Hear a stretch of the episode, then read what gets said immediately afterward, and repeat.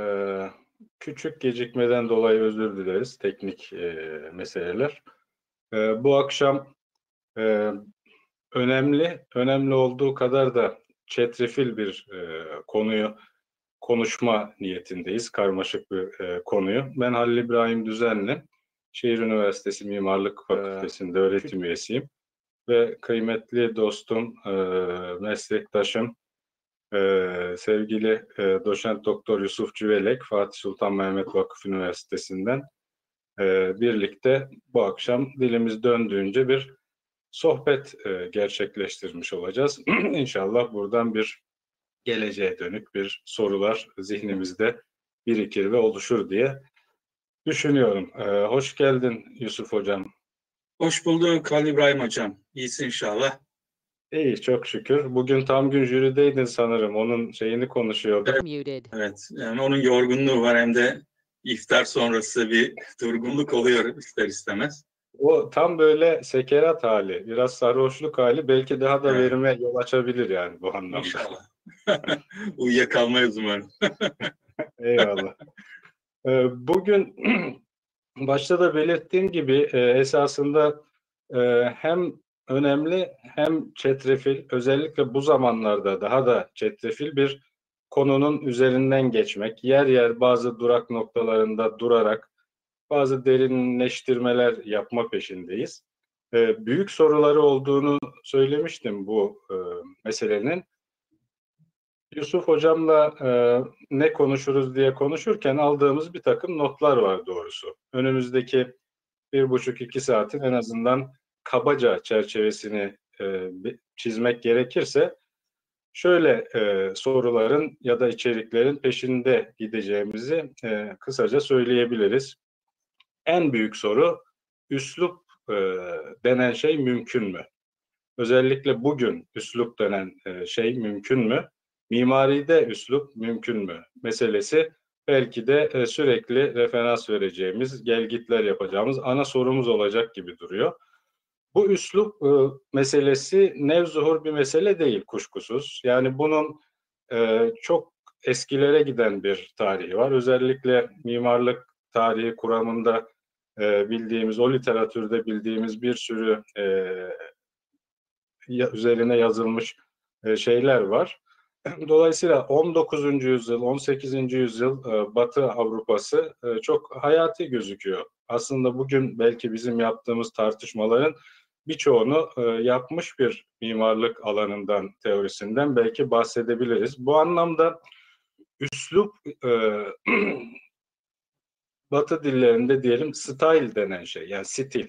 Stili de Türkçe olarak kullanıyoruz ama stil ile üslup arasında belki kökensel, belki başka türlü bir fark olabilir mi acaba? Yani bu da e, belki detayda değinilecek bir mesele olabilir. Bunu şunun için söylüyorum üslup e, kavramının e, modernliği, kurgusallığı ve üretilmişliği meselesi çok önemli ve hayati gözüküyor doğrusu. Yani bir 16. yüzyılda üslup diye bir şeyden bahsetmekle 19, 20 ya da 21. yüzyılda üslup diye bir şeyden bahsetmek aynı e, anlama gelmiyor olsa gerek diye düşünüyorum. Dolayısıyla üslup kavramı bu anlamda modern bir e, kurgu olarak ne ifade etmektedir e, diye devam etmek mümkün. Birçok belki zamanımız yettiğince örneklerle açmış olacağız.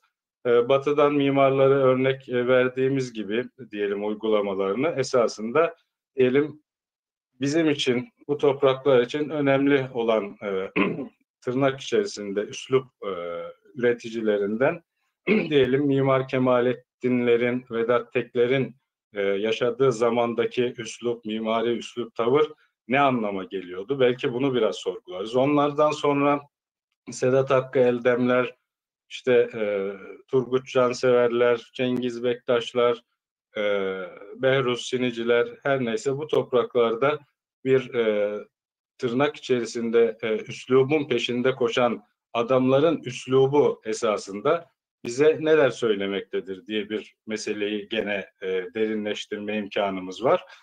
E, buradan yola çıkarak belki evvel emirde benim söyleyeceğim şey veya da topu Yusuf Hoca'ya atacağım şeylerden bir tanesi öncekilerle bağlantılı olarak üslup bir birey meselesi midir artık? Yani bir tekil bireyin üretimi bir üslup mu yoksa çoğul, çoğullaştırılabilir, genelleştirilebilir bir üsluptan bahsedebiliyor muyuz? Ee, üslup dediğimiz şey e, in bir çağı vardı, o çağ kapandı, üslup sonrası bir çağda mı e, devam ediyoruz diye yine e, önemli bir mesele buradan e, gözüküyor.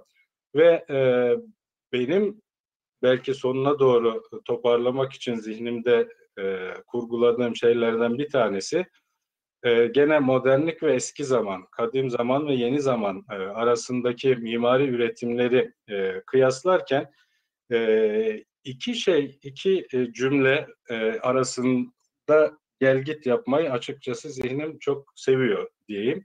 Bir tanesi bütün eski Osmanlı e, şer'iye sicillerinde, tamirat kayıtlarında e, vesaire yer alan bir ifade. Yani e, herhangi bir yapı yıkıldığı zaman ya da yeni bir yapı yapılacağı zaman kadimisi üzere amel oluna ifadesi.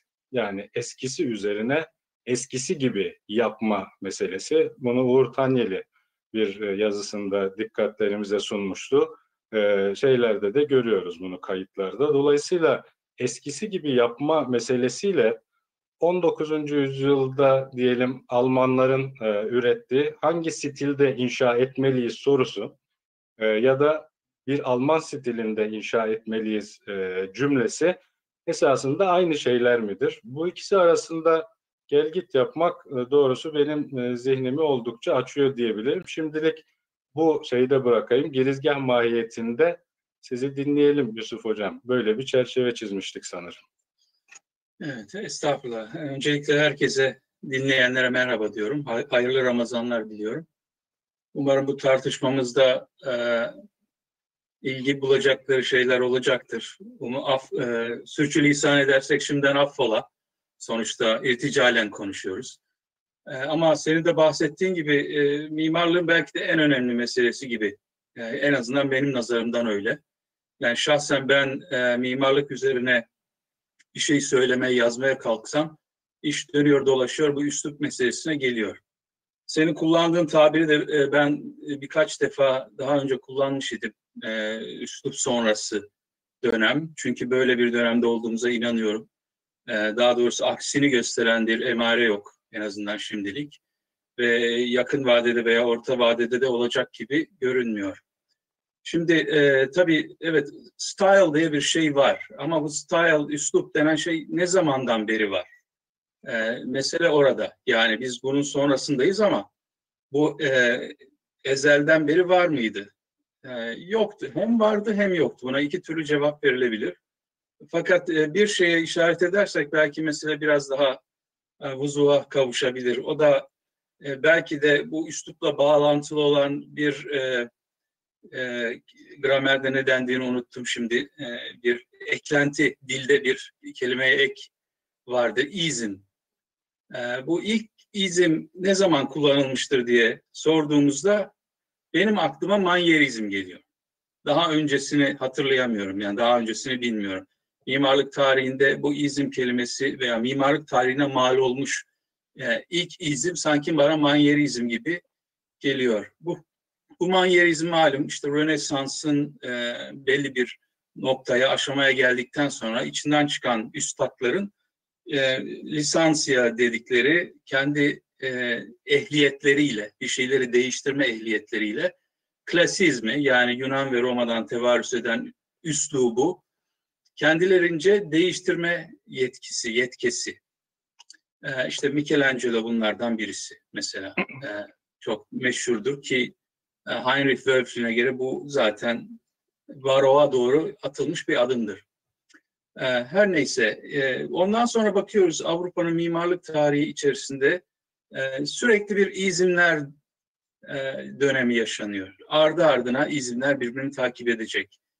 Fakat bugün buna bir tarihi bir mesafeden bakar isek, yani bugünden geçmişe doğru ve bu izimleri hani senin de çok sevdiğin gibi bir grafiğe aktar, aktarabilir isek, şöyle bir şey çıkacak, bir tür frekans çıkacak karşımıza.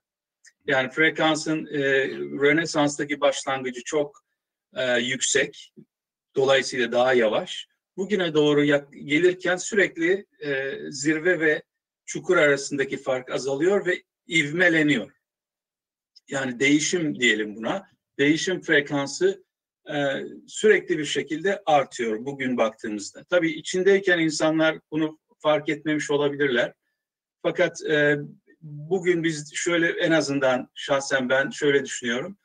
E, o Rönesans her ne başlattı ise e, onda gayri tabii bir şeyler vardı.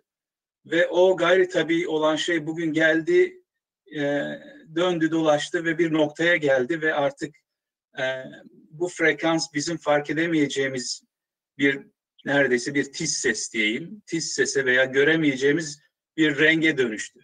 Yani değişim o kadar hızlı ki artık e, o frekansın çeşitli parçalarına izimler adı altında bir niteleme yapamıyoruz. Onlara isim veremiyoruz.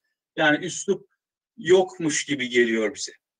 Aslında isimlendirme dediğimiz şey de belli bir birikimi gerektiriyor değil mi? Yani ilk önce bir üretim, belli bir biriktirme ve onun üzerine bir tanımlama e, gibi. Dolayısıyla o süre yok sanırım yani artık. Kesinlikle. Sürekli üretim var, sürekli üretim var fakat onu tanımlamaya dönük bir e, zaman dilimi yok.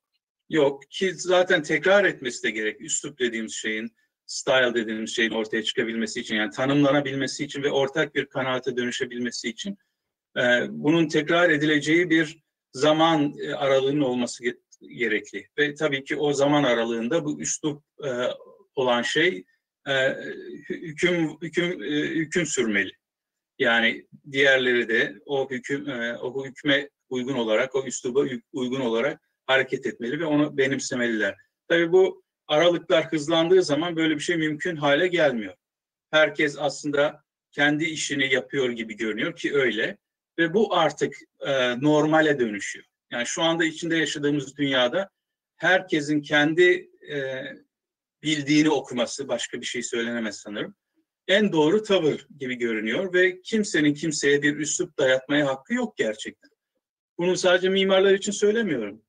E, enteresan bir şekilde bunu e, e, iktidarlar için de söyleyebiliriz. Yani daha önceki devirlere baktığımızda üslupla iktidarın arasında bir ilişki var. Bu dini iktidar olabilir, siyasi, askeri iktidar olabilir. Yani sonuçta bir takım güç odaklarının üslubu öncelikle benimsemesi gerekir ki ondan sonra o e, hüküm geçerli hale gelsin. Yani üslubun geçerliliğine dair olan hüküm geçerli hale gelsin.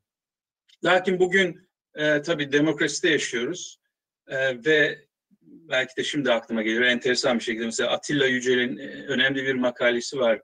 Türkiye'deki mimarlık hareketlerini değerlendirdiği, 1960 sonrasını ele aldığı pluralizm diye. E, ben onun e, İngilizcesini hatırlıyorum. İngilizce başlığını Türkçe'de çevrildi.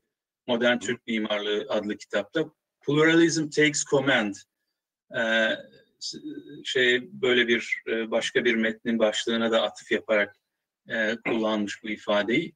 Yani aslında 60 sonrası işte Türkiye'de daha bir demokratikleşme ve ekonomik alanda da çeşitli açılımlar. Yani dünyaya daha entegre geldiğimiz için e, bu çoğulculuğun Türk mimarisine hakim olduğunu söylüyor. Bütün dünyada olduğu gibi.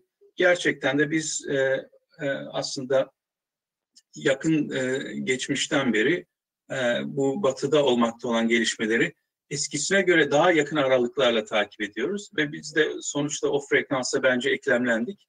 E, şu anda Türkiye'nin prestij mimarlığı diyeceğim, bu da Uğur Tanyeli'nin bir ifadesi, bir makalesi de kullandı. Yani aslında mimarlık kitaplarına, dergilerine geçen mimarlık. Yani şu apartmanlar falan değil de e, binde bir mimarlık söz konusu olduğunda e, o batıdaki gelişmeleri çok daha yakından takip ediyoruz ve oradaki mimarlar da onu yapan e, mimarlar da aynı şekilde davranmaya çalışıyorlar. Sürekli yeni bir şeyler üretip e, bir nevi başkalarından değil sadece kendi izlerinden de kaçmaya çalıştıkları, kendilerini tekrar etmemeye çalıştıkları bir mimari meydana getirmeye çalışıyorlar. Ee, çok önemli iki noktadan mesela ilerlenebilir. Şimdi izi, izimle e, herhalde birincisi e, üslubu e, en azından bir yakınlaştırma şeyin oldu e, anladığım kadarıyla. Ve burada manyerist e, mimarları ya da manyerizmi e, örnek verdin. Yani manyerist mimarların temelde yaptığı şey belki de yani manyerizmi nasıl Türkçeleştirebiliriz e, onu aslında söyleyebiliriz de. Yani manyerizm e, bir nevi e, eklektisizm de değil, yeniden yorumlama meselesi diyelim değil mi? Bireysel evet. olarak yeniden yorumlama. Yani ee, maniera tarz demek yani e, İtalyanca.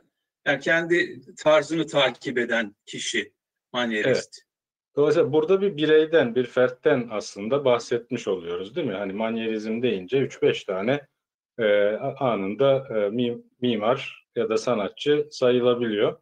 Sonra belki manyerizm Rönesans'taki anlamından e, soyularak e, her dönemin manyeristleri olabiliyor ve artık manyerizmler çağındayız belki de e, tırnak içerisinde bu anlamda baktığımız zaman. Evet. E, bu manyerizm bireyin ya da mimar bireyin, üret, e, üretenin, e, sanatkarın kendi yorumları, nevzuhur yorumları da diyelim. Evet, baktığı bir şeyler var, yorumladığı bir şeyler var. Fakat bunun hemen e, yanına e, ilişkilendirdiğin mesela üslup iktidar ilişkisi doğrusu ikisi birlikte düşünüldüğünde e, bana biraz anlamlı gelmeye başladı. Şimdi iktidar kimdir meselesi üslup üretiminde. Şimdi eğer manyeristler bir tarz sahibi olanlar bireyler diyelim bir izim üretme iktidarındaysalar yani buna muktedirseler mimar olarak ve bunu yapıyorlarsa onu tanımlıyoruz. Fakat bunun bir başka iktidar, daha büyük bir e, iktidar diyelim, bireyden daha büyük, devlet olur, yönetim olur, başka bir şey olur. Onunla desteklenmesi mi acaba e, üslubu tam bir araya getiren şey? E, veyahut e, mimarlık ve e, biçim ya da üslup meseleleri dediğimizde e, bu iktidarın ya da üslubun, iktidarın desteklediği üslubun benimsenmesi ve geçerli olması için e, bireylere de ihtiyaç var, mimar bireylere. Şimdi daha önce hep konuştuğumuz bir yerden devam etmek istiyorum bunu. Özellikle senin de, asıl senin e, meselen olarak diyelim mimarlık, mimarlık e, olmayı kaybetti diyelim ya da kutsallığını kaybetti. Yani mimarlık denen şey esasında bir kutsalın üretimi değil mi? Yani eski çağlardan beri piramitler, işte e, Yunan e, gelenekleri, bizim camilerimiz her neyse hep merkezde bir e, tırnak içerisinde iktidarın desteklediği bir üslup üretim aracı olarak bir kutsal biçim ya da kutsal mekan ya da kutsal üretim var ortada. Bunun da kuşkusuz mimarları var yani ona işte manyeristler deyin, başka kim derlerseniz deyin. Şimdi bu üretim e, bir şekilde oluşuyor. Fakat e, mimarlık sadece bunlardan da oluşmuyor tırnak içerisinde değil mi? Yani belki bunlar yüzde onunu kapsıyor. Bütün dünyadaki e, tarih zamanlardan bu yana üretilen e, mimari mimari çevrenin belki yüzde e, işte onunu kapsıyor. Fakat onun e, yanında da e, bir insanların barınakları, konutları vesaire bir sürü daha şey yürüyor. Diyelim bir Osmanlı mahallesi denen bir şey yürüyor. Yani belli pencerelerle, belli oranlarla işte birbirine benzemez ama bir bütün oluşturan e, bir şeyle bir e, mimari vücuda getiriliyor. Onun onun manyeristler anlamında bir mimarı belki yok, tanımlanamıyor ama nihayetinde yapıcılar, ustalar dediğiniz şey de bir yerden baktığınızda o üretimin e, karar vericileri diyebiliriz.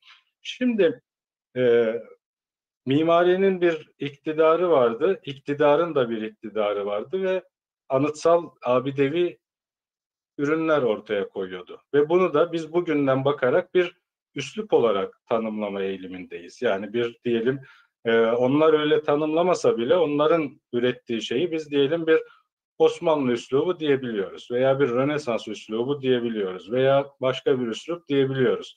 Fakat bir taraftan bu zamana geldiğimizde o ustaların ya da ismi bugüne gelmeyen e, üreticilerin e, ürettiği tırnak içerisinde daha az kutsal Fakat aynı zamanda bir tarz, stil de bugüne bırakmış olan tanımsız bir hani mimarsız mimarlık var ortada. Bugünün mimarı ise geçmişe dönüp hem iktidar yapılarına bakmak hem de o tırnak içerisinde mimarsız üretilmiş üsluba e, bakıp bir şeyler üretmek durumunda.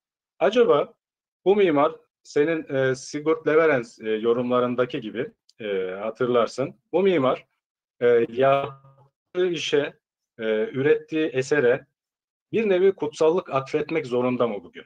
Yani bugün bir e, üslup ya da mimarinin e, değerini, üretimini ortaya koymak için o eskiden üslup diye tanımlanan şeyle üslup diye tanımlanmayan şeyi bir şekilde aynılaştırmak, aynı seviyeye getirmek ve her birine aynı kutsallıkla e, bakıp bir tasarlarken bir kutsal iş yapıyormuş gibi ortaya e, koymak durumunda. Şimdi üsluplara bakıp ya da üretimlere bakıp bir şeyler e, ortaya koyan modern mimar ve her bir yapısını aynı kutsiyette tırnak içerisinde ele alan mimar bir taraftan da üslup üretemiyor ya da bütün bir üslubun e, şeyi haline gelemiyor. Burada bir çelişki yok mu? Yani burada bana öyle geliyor ki enteresan bazı durumlar var diyebilirim seni tahrik etmek açısından.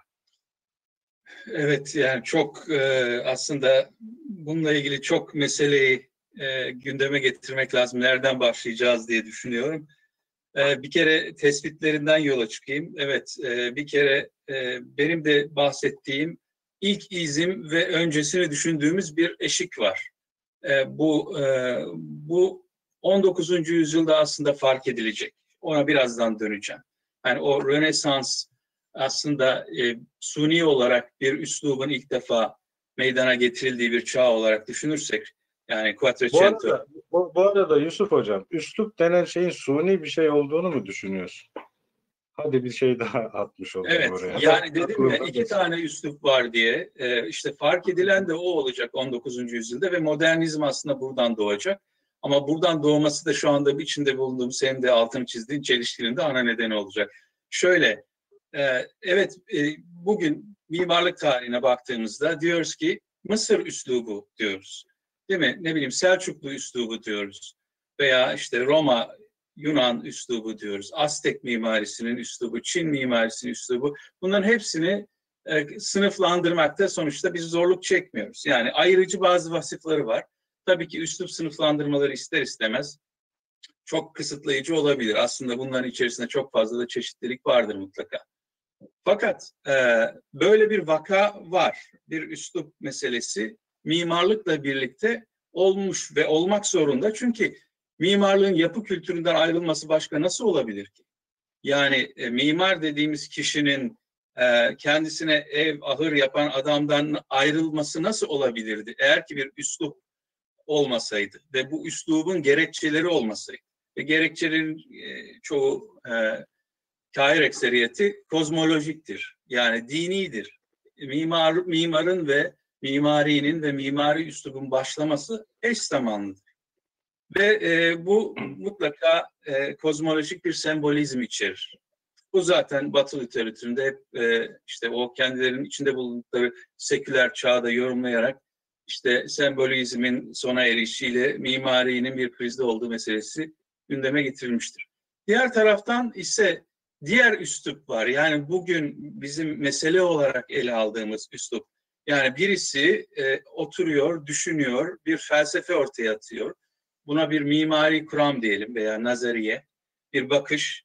Tarihe bakıyor, toplumuna bakıyor e, ve bundan kendi yetenekleri nispetinde bir e, bir e, şey yapıyor, bir amalgam meydana getiriyor ve eğer ki bu e, önemli güçler, merciler tarafından benimsenir ise ki Rönesans'ta öyle olmuştur. bu bir üsluba dönüşüyor. İşte bu işin biraz suni tarafı. Şimdi tabii mimarlık tarihinden çok fazla örnek verilerek aslında benzerlikleri de gösterilebilir. Yani aslında bu kadar siyah beyaz değil ve bu kadar net bir aslında ayrım yok. Fakat yine de e, okuyabileceğimiz bir ayrım var Rönesans'ta bu üslubun tırnak içerisinde geleneksel olmaktan, doğal olmaktan çıkıp e, suni olması ve geçmişe doğru bakılan bir e, özelliğine sahip olması. Bu da ilktir benim bildiğim yani mimarlık tarihinde. E, kimse, herkes zamanına bakarken o zamana kadar e, ondan işte 1500 yıl, 2000 yıl öncesine bakılması ve oradan bir şeyler devşirilmeye çalışılması zaten bu işin arkeolojik tarafını gösteriyor. Burada bir suni bir e, motiv, e, bir e, eylem söz konusu. Şimdi e, buradan 19. yüzyıla atlarsak e, hızlı hızlı atlıyoruz ama dem, demin söylediğim şeyleri bağlamak için söylüyorum. Yok, e, özellikle işte senin de efendim Gel gitler güzeldir böyle. Zihni daha iyi evet, toparlar. Evet, zihin açıcı olur. Yani böyle kronolojik olmak zorunda değil yani. Doğru. O bahsettiğin Heinrich Hübsch'ün 1823'te hangi üslupta inşa etmeliyiz diye yazdığı o makale aslında bir dönüm noktasına işaret ediyor. Ee, klasik akademik mimarlığın krizini alenen ortaya koyuyor. Yani 19. yüzyıl malum herkesin tarihten büyük üslupları devşirmeye çalıştığı bir zaman ve tabii e, bir çağ. Bu çağ aynı zamanda da bütün bu gayretlerin kendiliğinden birbirine karışmasını da sağlayacak. Yani bunlar hızla e, işte eklektik bir maniyerle birbirlerine karışarak başka şeylere dönüşecek. Fakat bu hengame içerisinde bir takım insanlar üslup denen şeye kıl, kıl olacaklar tırnak içerisinde. Gıcık olacaklar. Ve sorunu tespit edecekler. Diyecekler ki sorun, sorun üslup mimarlığı. Yani böyle bu tabiri ilk kullanan kişi benim bildiğim e, Hermann Mutesius adlı bir Alman. Ama e, hemen hemen aynı eş zamanlı olarak Berlage'de kullanıyor, Otto Wagner'de kullanıyor. Ve bunlar stil arkitektur e, tabirini, e, tamlamasını bir negatif, kurtululması gereken bir e, bir tür araz olarak niteleyecekler ve e, bunun antitezinin veya e, işte panzehirinin e, geçmişi üslup denen daha önce var edilmiş o suni şeyi veya suni bir şekilde kotarılmış, geri kazanılmış o şeyi taklit etmek değil de şimdiyi yakalamak olduğunu söyleyecekler ve Almanlar özellikle buna Baukunst diyecekler. Özellikle bir ayrım yapmak için. Yani arkitektur çünkü e, biliyorsunuz Yunanca'dan Latince'ye geçmiş e, mimarlık denen şey. Fakat her mutesis diyor ki artık e, Latinlerin, Güneylilerin kültürel hakimiyeti sona eriyor. Onlar artık yozlaştılar ve çürüdüler. Yani dünya şey sahnesinde artık bir rol oynamıyorlar. Artık kuzeyin zamanı. Ve o bilerek ve isteyerek o yüzden Baukunst kelimesini arkitektura e, nazaran kullanıyor. Yani şimdiyi yakalama meselesi. Ama yine bunu e, bir evvelki aşaması da gotikçilik. Ee, yani bu modernizmle gotikçilik arasında böyle tuhaf bir ilişki var. Ee, çünkü e, her ne kadar o da bir tarihi üslup olsa da işte o suni olmayan zamanları bir nevi e, sembolize ediyor. Biraz romantik bir şekilde, biraz da gerçek dışı bir şekilde. Çünkü o devirde insanlar sadece şimdiyi taklit ediyorlardı. E, düzeltiyorum, sadece şimdiyi yapıyorlardı. Ve bütün sanatlar bir aradaydı mimarlığın bünyesinde. Resim, heykel, müzik, tabii ki mimarlık, e, yani e, craft ve art, sanat ve e, zanaat hepsi bir arada mimarlığın bedeninde bir bütündü. Bu yaklaşım Frank Lloyd Wright'ın bir 1902 tarihli bir makalesinde de burada bir aynı şeye işaret edilmesi. Le Corbusier'in meşhur bir kitabı vardır. Yani meşhur değil, bilinmeyen bir kitabı vardır. Katedraller bir zamanlar beyazdı. Çok manidar bir ifade. Yani aslında onlar yapıldığında bembeyazdı. Türkçe'ye de çevrildi aslında hocam. Yeni çevrildi değil mi? Evet. Evet. evet. Katedraller yani. Evet bu tabii Arts and Craft hareketi, Neogotik Arts and Craft aslında e, hakim olan akademik üslupçuluğa karşı çıkış fakat kendisinin getirdiği devinim aslında anti üslupçu bir harekete dönüşecek ve bu e, kendiliğinden e, adım adım giderek modernizme dönüşecek. Aslında bu arts and craft üzerinde biraz daha fazla durabiliriz. Ee, aslında ne demek? Sanatlar ve zanaatlar hareketi. Evet. yani bir Burada şekilde... bir şey de, son bir şey de ekleyeyim onu da unutmayalım. Sonra bitirdin, sen bitirdin zannettim de buyur. Yok yani bu modernizmin e, sadece bir şey ekleyeceğim ondan sonra ona döneriz. Modernizmin bir önemli özelliği de modern sanatla kendi üslubunu yaratmaya çalışması. Yani modernizm ortaya çıkması e, bir üslup arayışında e, aslında olan bir hareket. Yani burada bir paradoksal bir durum var. Üslup karşıtı olmakla birlikte üslup arıyor. Yani 19. yüzyılın aradığı bütün o modernitenin e, ifadesini e, bu 20. yüzyılın başındaki o öncüler arıyorlar. Yani üsluba karşı olmakla çağın üslubunu e, yakalamaya çalışmak aslında birbiriyle çelişmiyor e, idi o zaman. Fakat daha sonra çelişti. E, ona da geleceğim. Fakat bu noktada ay, ayrıcı bir unsur modern sanatın üsluba şekil verici bir e, özellik olarak ortaya çıkması ve modern sanatçının da bir nevi e, ne bileyim artık e, Avrupa için konuşuyorum, Batı için e, bu seküler e, dünyada bu seküler dünyanın rahipleri gibi ortaya çıkması e, la, e, anlam kazanıyor. Yani bir nevi modernizm e, kutsallığı, üslubu yok etmekle beraber, tarihsel üslubu, üslupları yok etmekle beraber mimarlığın bütün büyüsünün o kutsallığında olduğunu bildiğinden veya bence bildiğinden değil de hissettiğinden e, bir şekilde onu devam ettiriyor, ettirmeye çalışıyordu. Ve bunu e, bence e, önemli ölçüde başardılar. Fakat e, özellikle bu postmodern çağda e, bu biraz daha karışık bir hale geldi ki aslında e, şu anda baktığımızda en önemli arkitekler hepsi e, müstakil, tekil, e, bireysel sanatçılar olarak e, bir nevi yaptıkları işe bir tür kutsallık e, bahşediyor gibi görünüyorlar. Eyvallah.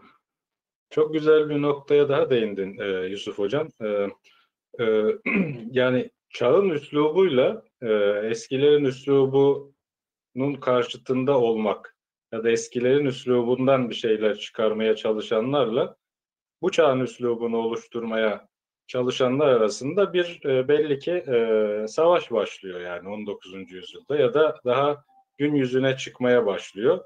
E, ve burada çok çeşitli e, ekoller, e, akımlar falan e, oluşuyor. Bir tanesi Arts and Craft dediğim gibi. E, bunun üzerinde biraz durmakta fayda var. Senin müstakil bir yazın da var. E, bu Arts and Craft çalışmalarıyla, e, tartışmalarıyla alakalı. Akademiya sayfanda da bulunabilir sanırım. Yani arzu edenler evet. oradan e, bakar.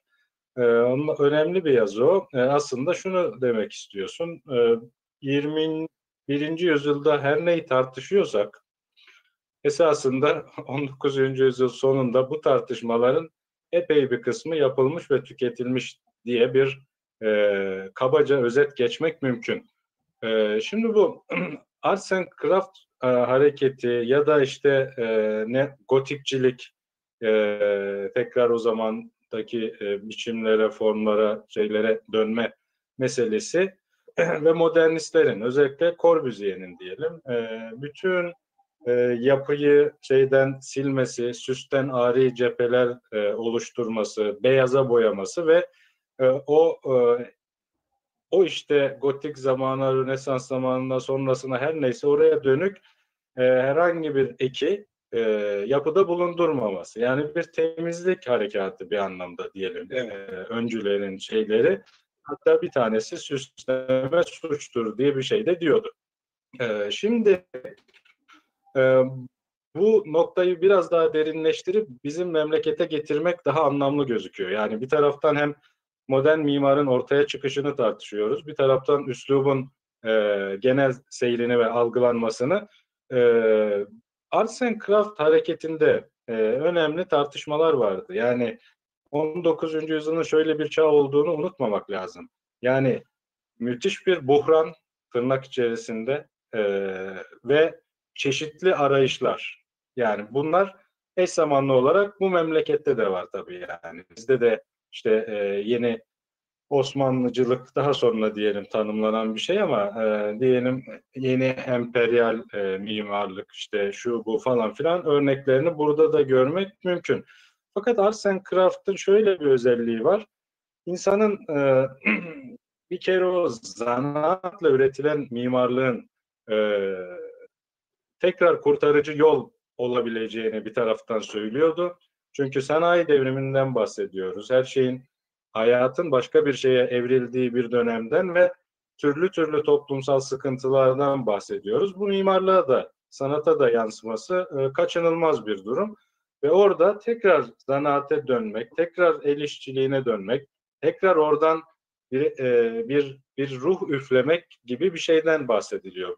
Ve benim kanaatimce senin de e, yazında vurguladığın gibi Arts and Craft hareketi çok enteresan bir ara durak.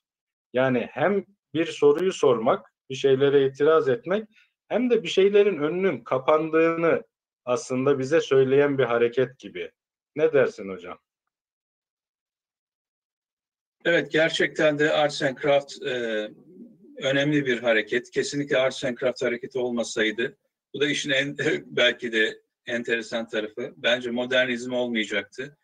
E, fakat özü itibariyle tabii e, gerçekten senin de belirttiğin gibi o, on, o sanayi çağının e, yeni yeni oluşmuş oluşmakta olan o yeni şehirli toplumunun e, içinde bulunduğu döneme durumlara bir tepkinin sonucu olarak doğmuş e, ve siyasi ve tabii bununla bağlantılı olarak ahlaki motivasyonu oldukça yüksek bir hareket. Yani o bütün o, o yüzden o siyasi ahlaki toplumsalcı tarafını e, modernizmi de taşımıştır. E, fakat şunu da belirtmek lazım ki e, büyük ihtimalle e, makineleşme olmasaydı böyle bir hareket olmayacaktı. Yani sadece bu bu e, Grek-Roma estetiğine bir karşı çıkış olarak değerlendirilemez tek başına. Yani Orta Çağ, işte Orta Çağ, Hristiyan çağı, e, bizim e, coğrafyamız, bizim insanımız böyle bir bakış oluşuyor artık. Yani e, antik çağ, pagan antik çağının taklit edilmesine karşı yüzyıllardır farklı bir coğrafyanın, farklı bir iklimin, çok eskide kalmış bir toplumun e, bütün bunların kontekstini bir tarafa bırakarak, değerlerini bir tarafa bırakarak sadece üslubunu taklit etmenin tuhaflığına karşı tabii bir tepki de içeriyor. Fakat makineleşmenin şöyle bir özelliği var. Makineleşme el emeğini e, değiştiriyor. Malumunuz e, zanaatçı bir işi, mesela bir ayakkabıyı, Adolf Loos'un da bahsettiğin gibi bezeme suçtur diyen adamın e, mutlaka kendisi kendi eseri gibi meydana getiriyor. Yani diyor ki bir ayakkabıcıya e, ya lütfen şu potinin üstüne bezeme yapma desem yap dediğimi yapar belki ama mutsuz olur diyor. Çünkü o gerçekten o, onun sanatı. Yani o onunla gurur duyuyor. Onunla onu yaparken mutlu oluyor. E, fakat makineyle ayakkabı yaptığınız zaman birisi kalıptan çıkarıyor bir şeyi, yan tarafa geçiriyor. O bir dikiş makinesine sokuyor. Bir şeyleri belki tabanı deriye dikiyor, gönderiyor. Tabanı deriye dikiyor, gönderiyor. Yaptığı e, şey parça, bir bütün değil. Bütün işe sahip değil. O yüzden bir sanatkar da değil. Makinenin bir yöneticisi. Ve tabii böyle olunca da e, değersizleşiyor bir kişi. Yani değersizleşiyor derken e, kendisine saat başı ücret özeniyor. Ve makine ne kadar kuvvetlenirse o saat başı ücreti o kadar azalıyor. O yüzden e, çeşitli 19. E, yüzyıl içerisinde Avrupa çeşitli isyanlara, e, büyük kalkışmalara, küçük kalkışmalara, tabii ki de anarşist hareketlere sahne oluyor. Ve bu 20. yüzyıla da taşınacak. Yani bu işçi sınıfının vasıfsız işçi tırnak içerisinde dediğimiz insanın yarattığı sorun e, yani belki savaşlarla da bağlantılı bir şey. Yani sonuçta o bir e, bir ülkeye de dönüşecek. Biliyorsun sosyalizm meselesi altında Sovyetler Birliği'nin yönetimine dönüşecek ve tabii Avrupa'da da çok güçlü örgütlenmelerle o, o e, e, şeyin oluşumun e, Avrupa ülkelerindeki etkisi düşünüldüğünde e, karşılıklı düşmanlıkların, bazı şeyleri kökünde kazama, kazıma arayışların olması kaçınılmaz. Yani gerçekten makina çok önemli bir şey. Zaten e, şunu da söyleyelim mesela Marx'ın 1948 e, Komünizm Manifestosu e, o meşhur e, Halkların Baharı isyanından birkaç ay önce yayınlanmış. Bütün Avrupa'yı kasıp kavuran aslında tek e, kumaş işçilerinin bildiğim kadarıyla başlattığı fakat bütün diğer fay hatlarını kırarak milliyetçi meselelere de dönüşen e, ne bileyim e, Hollanda'dan e, Macaristan'a kadar e, Rusya'dan bilmem nereye kadar Balkanlara kadar uzanan böyle bir e, e, uluslararası bir kalkışmaya dönüşmesi yine aynı meselenin merkezde olduğunu gösteriyor. Şimdi bu adamlar ortaya çıktığında işte bu e, el sanatlarının kendisinden ziyade el sanatlarının merkezde olduğu toplum yapısını e, aslında geri kazanmak istiyorlar. E, yani burada bir e, biraz idealize edilmiş bir gerçek geçmiş olduğunu da söylemek lazım. E, bir komün halinde yaşayan bir toplum var. Başlangıçta mesela bu, bu Welby Pugin için e, Hristiyan bir komün. Yani bir e, cemaat. Bunlar işte e, çeşitli güçlü e, bağlarla bir arada yaşıyorlar bir kilise e, çatısı altında. E, doğuştan itibaren kiliseye mensup oluyorlar. E, işte ahirete intikal ettikleri zaman da kilise merasimiyle gönderiliyorlar. Ve tabii ki bu bu toplum örgütlü aynı zamanda iş üretiminde de ki bu örgütlere de yield yani lonca deniyor ve insanların bir nevi emeğini ve üretimini, zanaatini koruyor. Yani kimsenin kimseye köle olmasını, yani bir e, vasıfsız işçinin bir e, patrona, bir kapitalistik kö köle olmasını e, mümkün kılmayan bir sistem var. Kısacası bu e, sanat ve zanaat hareketinin öncesinde olan Pucci'nin gotikçiliği ve e, e, o orta çağ istemesi daha sonra e, sosyalist e, tandanslı bu Arts and Craft hareketinin loncaları diriltme çabası, çabasıyla devam edecek. Yani aslında e, yine e, daha sonra Bauhaus'a dönüşecek olan bir çaba. Bauhaus'a baktığımızda bir okul görüyoruz ama okul binasına baktığımızda bir fabrikaya benziyor ve içerisinde atölyeler var. Her atölyenin başında bir meister var yani usta var. Ee, ve e, şeyler oradaki işte çırak ve kalfalar zamanla e, şaheserlerini yani masterpiece diyorlar İngilizce'de ustalık eserlerini teslim ettiklerinde onlar da birer ustaya dönüşerek mezun oluyorlar. Yani o yapı makineyle uzlaşsa, uzlaşsa da e, Bauhaus'ta devam edecek bir yapı. O yüzden Pucci'nin orta çağ isteyen e, Katolik orta çağ yapısını kapitalist, endüstriyel, bozuk e, sanayi toplumuna karşı geri çağırmasıyla Bauhaus arasında tuhaf bir ilişki var. E, hocam makinayla uzlaşma dedin. E, çok güzel şey yaptın. E, çok e, fazlaca e, açılımı olan konular tabii. Böyle birkaç cümleyle geçiştirilecek şeyler değil. Sen de takdir edersin e, ki. Şimdi e, makinayla e, uzlaşma ya da makinayla didişme e, uğraşıları e, biraz işi mimarlığa çekersek yani diğer ilerinden de biraz sıyıracak olursak çok önemli e, noktalar gibi duruyor doğrusu. Yani evet makineye karşı olma diyelim arts and craft ama bir taraftan da bir, şey, bir şeylerin ruhunu yani o toplumcu, toplumu dönüştürme isteğini, istencini diyelim Corbusier'lere aktaran e, yani o modernistlere ilk devir modernistlerine aktaran onların da nihayetinde bir toplumcu, toplumu dönüştürme falan idealleri vardı. Fakat e, bir taraftan da e, mimari üretiyorlar. Yani çok basit bir şey yapıyorlardı esasında. Yani evet büyük büyük şeyler e, yazıp çiziyorlardı ama diyelim bir Villa Savoy üretiyordu, bir toplu konut üretiyordu, bir e, başka bir şey üretiyordu. Yani bir ürün e, ortaya koyuyordu. E, şimdi bana öyle geliyor ki 19. yüzyılın bütün bu e, tartışmalarından e, insanoğlu makineye yenik olarak çıktı. Ya da tırnak içerisinde ona uzlaşma diyebiliriz. Yani uzlaştıkça evet. ve, ve uzlaştıkça ve uzlaştıkça tırnak içerisinde mimari e, ya da üslup mimari ve üslup diyelim. Mimari her halükarda devam ediyor ama üslup ortadan kaybolmaya başladı. Ve bu pseudo yani sahte bir takım söylemler üzerinden e, üremeye başladı. Yani bir taraftan e, toplumcu olacaksınız, şey yapacaksınız falan filan onu aldınız ama öbür taraftan bütün meseleleriniz neredeyse biçime indirgenmiş durumda olacak.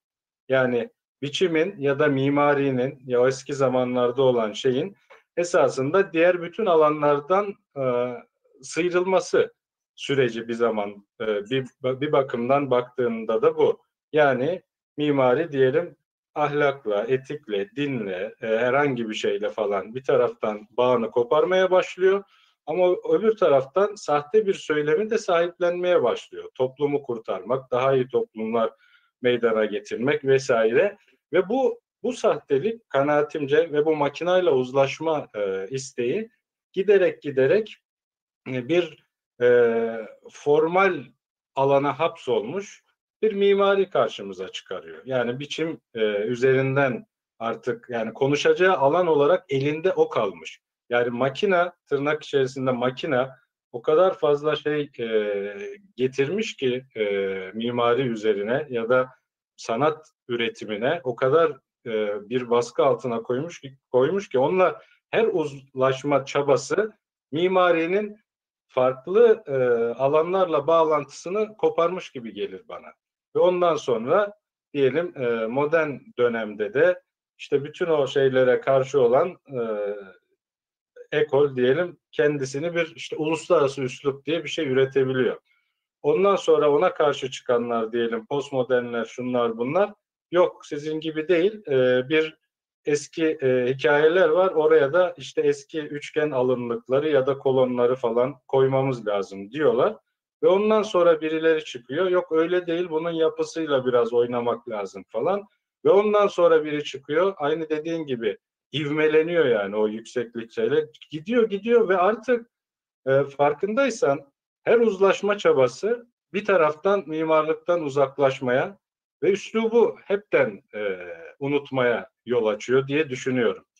E, bu anlamda e, biçime indirgenme e, meseleleri e, bizim topraklarda da oluşmaya başlamış. Yani diyelim 19. yüzyıl, 18. yüzyıl biçim için de hayati yüzyıl var.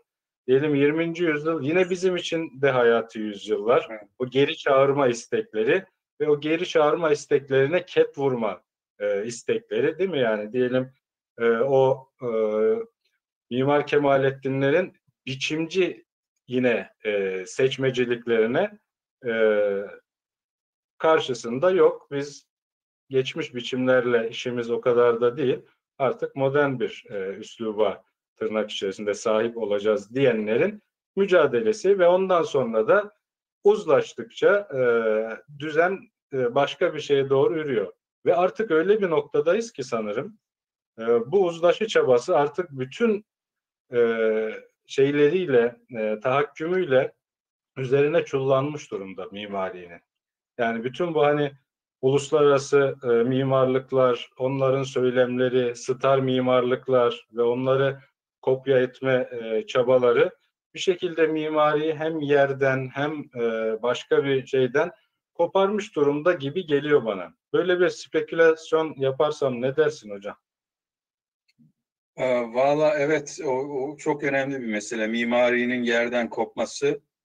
Ee, yani o e, bu zaten e, üslup sorununun tam da bağlandığı şey. Asıl mesele yani yer dediğimiz şey. Yer sadece bir coğrafya olarak düşünürsek bir anlamı yok ama bu, bu coğrafyaya işte e, Türkiye dediğimiz zaman, İstanbul dediğimiz zaman bu bu yer bir, bir kültürel kültürel mekana dönüşüyor. Geçmişi olan, ideolojisi olan, fikri olan veya olmayan. Öyle olunca yersizleşme gerçekten kritik bir mesele olarak ortaya çıkıyor ve tabii o zaman mimarı, mimarinin anlamı nedir diye insan sorgulamaya başlıyor.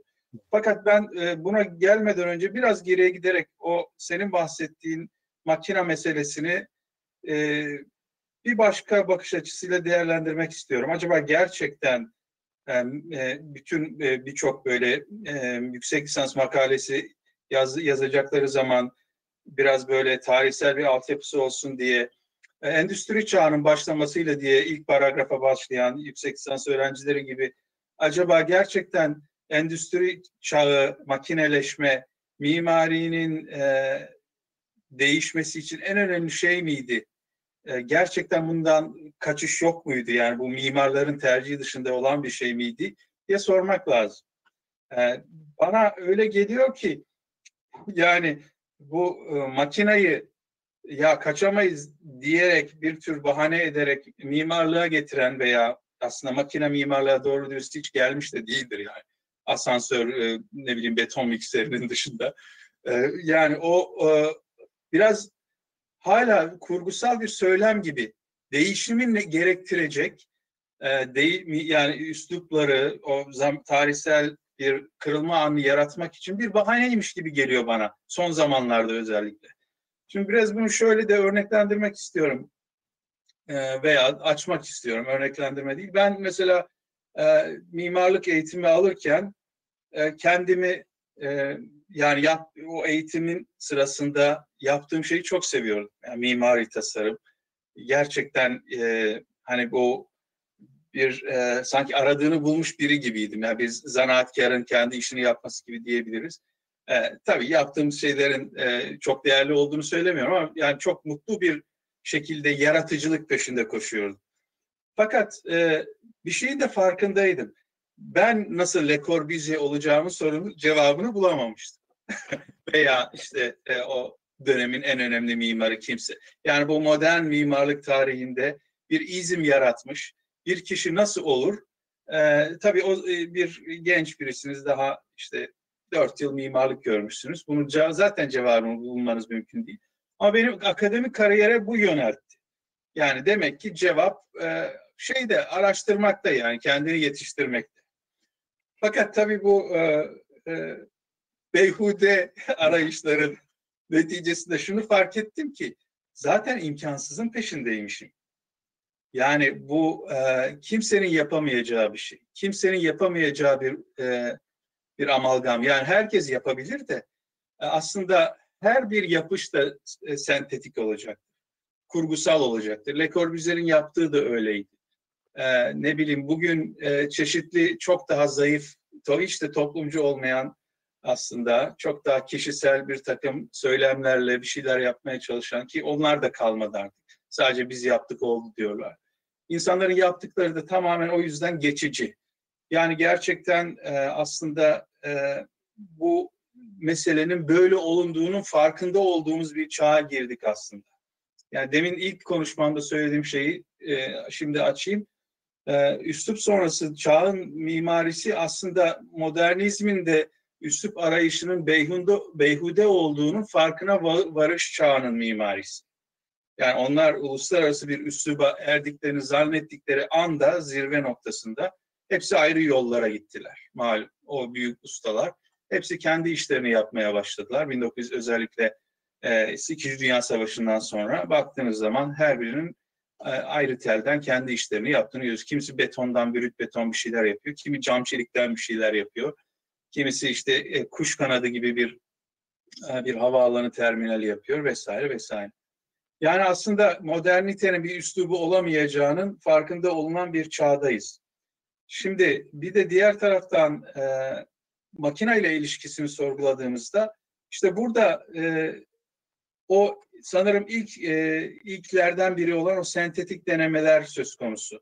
Yani aslında e, o dönemin öncülerine baktığımızda Le Corbusier'ler olsun, e, işte Mies van der Rohe'ler olsun, e, ne bileyim isimler vermeyeyim. Yani modern zamanların e, sanatla mimarlığı bir, bir, birleştirmek isteyen, buna biraz Gropius'u da dahil edebiliriz belki. Bu insanlar e, aslında e, çok romantikler ve bunun farkındalar.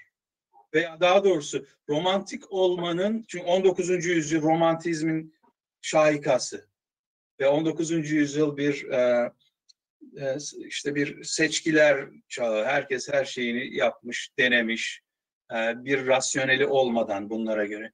Demek ki bu adamlar diyorlar ki bizim rasyonel bir zeminimiz olmalı. Yani insiyaki olarak o romantizmlerini baskılıyorlar veya saklıyorlar. Saklamak istiyorlar. Ve Corbusier'i biraz dikkatli okuyan onun sapına kadar bir romantik olduğunu görecektir. Fakat sürekli makinalardan bahsediyor gemileri gösterir, uçakları gösterir, ev bir yaşama makinasıdır der. Yani aslında e, bir nevi e, kendi söylemlerini geçerli kılabilmek için aslında mimarlığa hiç yanaşmayı bile düşünmeyen, e, e, toplumun güç sahibi insanların bunları buluşturmayı bile düşünmediği bir şeyi, yani makineyle sanatı buluşturmayı bu nedenle kendilerine bir e, görev addederler. Yani burada makina estetiğinin veya işte o, o makina söyleminin, sanayi çağı söyleminin modern mimarlığa getirilmesinde böyle bir e, böyle bir çelişki veya e, bir düzen olduğunu düşünüyorum. Aslında kendi haline bırakılsaydı e, büyük ihtimalle e, bu e, üslupların karmaşıklığı çok çeşitli şekillerde birbirlerinin içine geçerek sonra tekrar çözülerek vesaire devam ediyor olacaktı. Bir üslup arayışı beyhude bir şey mi e, Yusuf Hocam bugün? Şöyle e, yine dediğim gibi az önceki yerden devam edeyim. E, artık e, topyekün bir haydi mimarlık yapıyoruz. E, bütün şehri aynı şeyde yapacağız diye bir e, mesele yok. E, eski zamanda hiç yoktu. Bu modernistlerin idealiydi belki de. Bütün şehir aynı ya da benzer idealler peşinde e, olacak. Şimdi bireyler söz konusu, mimar bireyler. İşte Mimar Kemalettin'den bahsettik. Diyelim Sedat Hakkı Erdem'den bahsettik. Turgut Cansever'den e, bahsedebiliriz e, ve Türkiye'nin hani 20. yüzyıldaki önemli diyelim ismi hep gündemde olan e, öğrenci arkadaşlarımızın da e, sürekli diyelim e, bildiği, onlara söylenen bir takım isimler. Peki bunlar neyin arayışındaydı? Yani bunlar e, bir üslup üretme derdinde miydiler? Bunlar e, hangi geleneğe eklemleniyorlardı? Bunlar acaba bir şeyler ortaya koydular, kendinden menkul bir anlamda. E, baktılar bir yerlere, kökenleri var. Fakat e, kendileri var olduğu için o üretimler var. Yani kendileri olmasa diyelim bir sanatkar kimlik bağlamında kendileri olmasa öyle e, alelade üretilecek şeyler de üretmediler.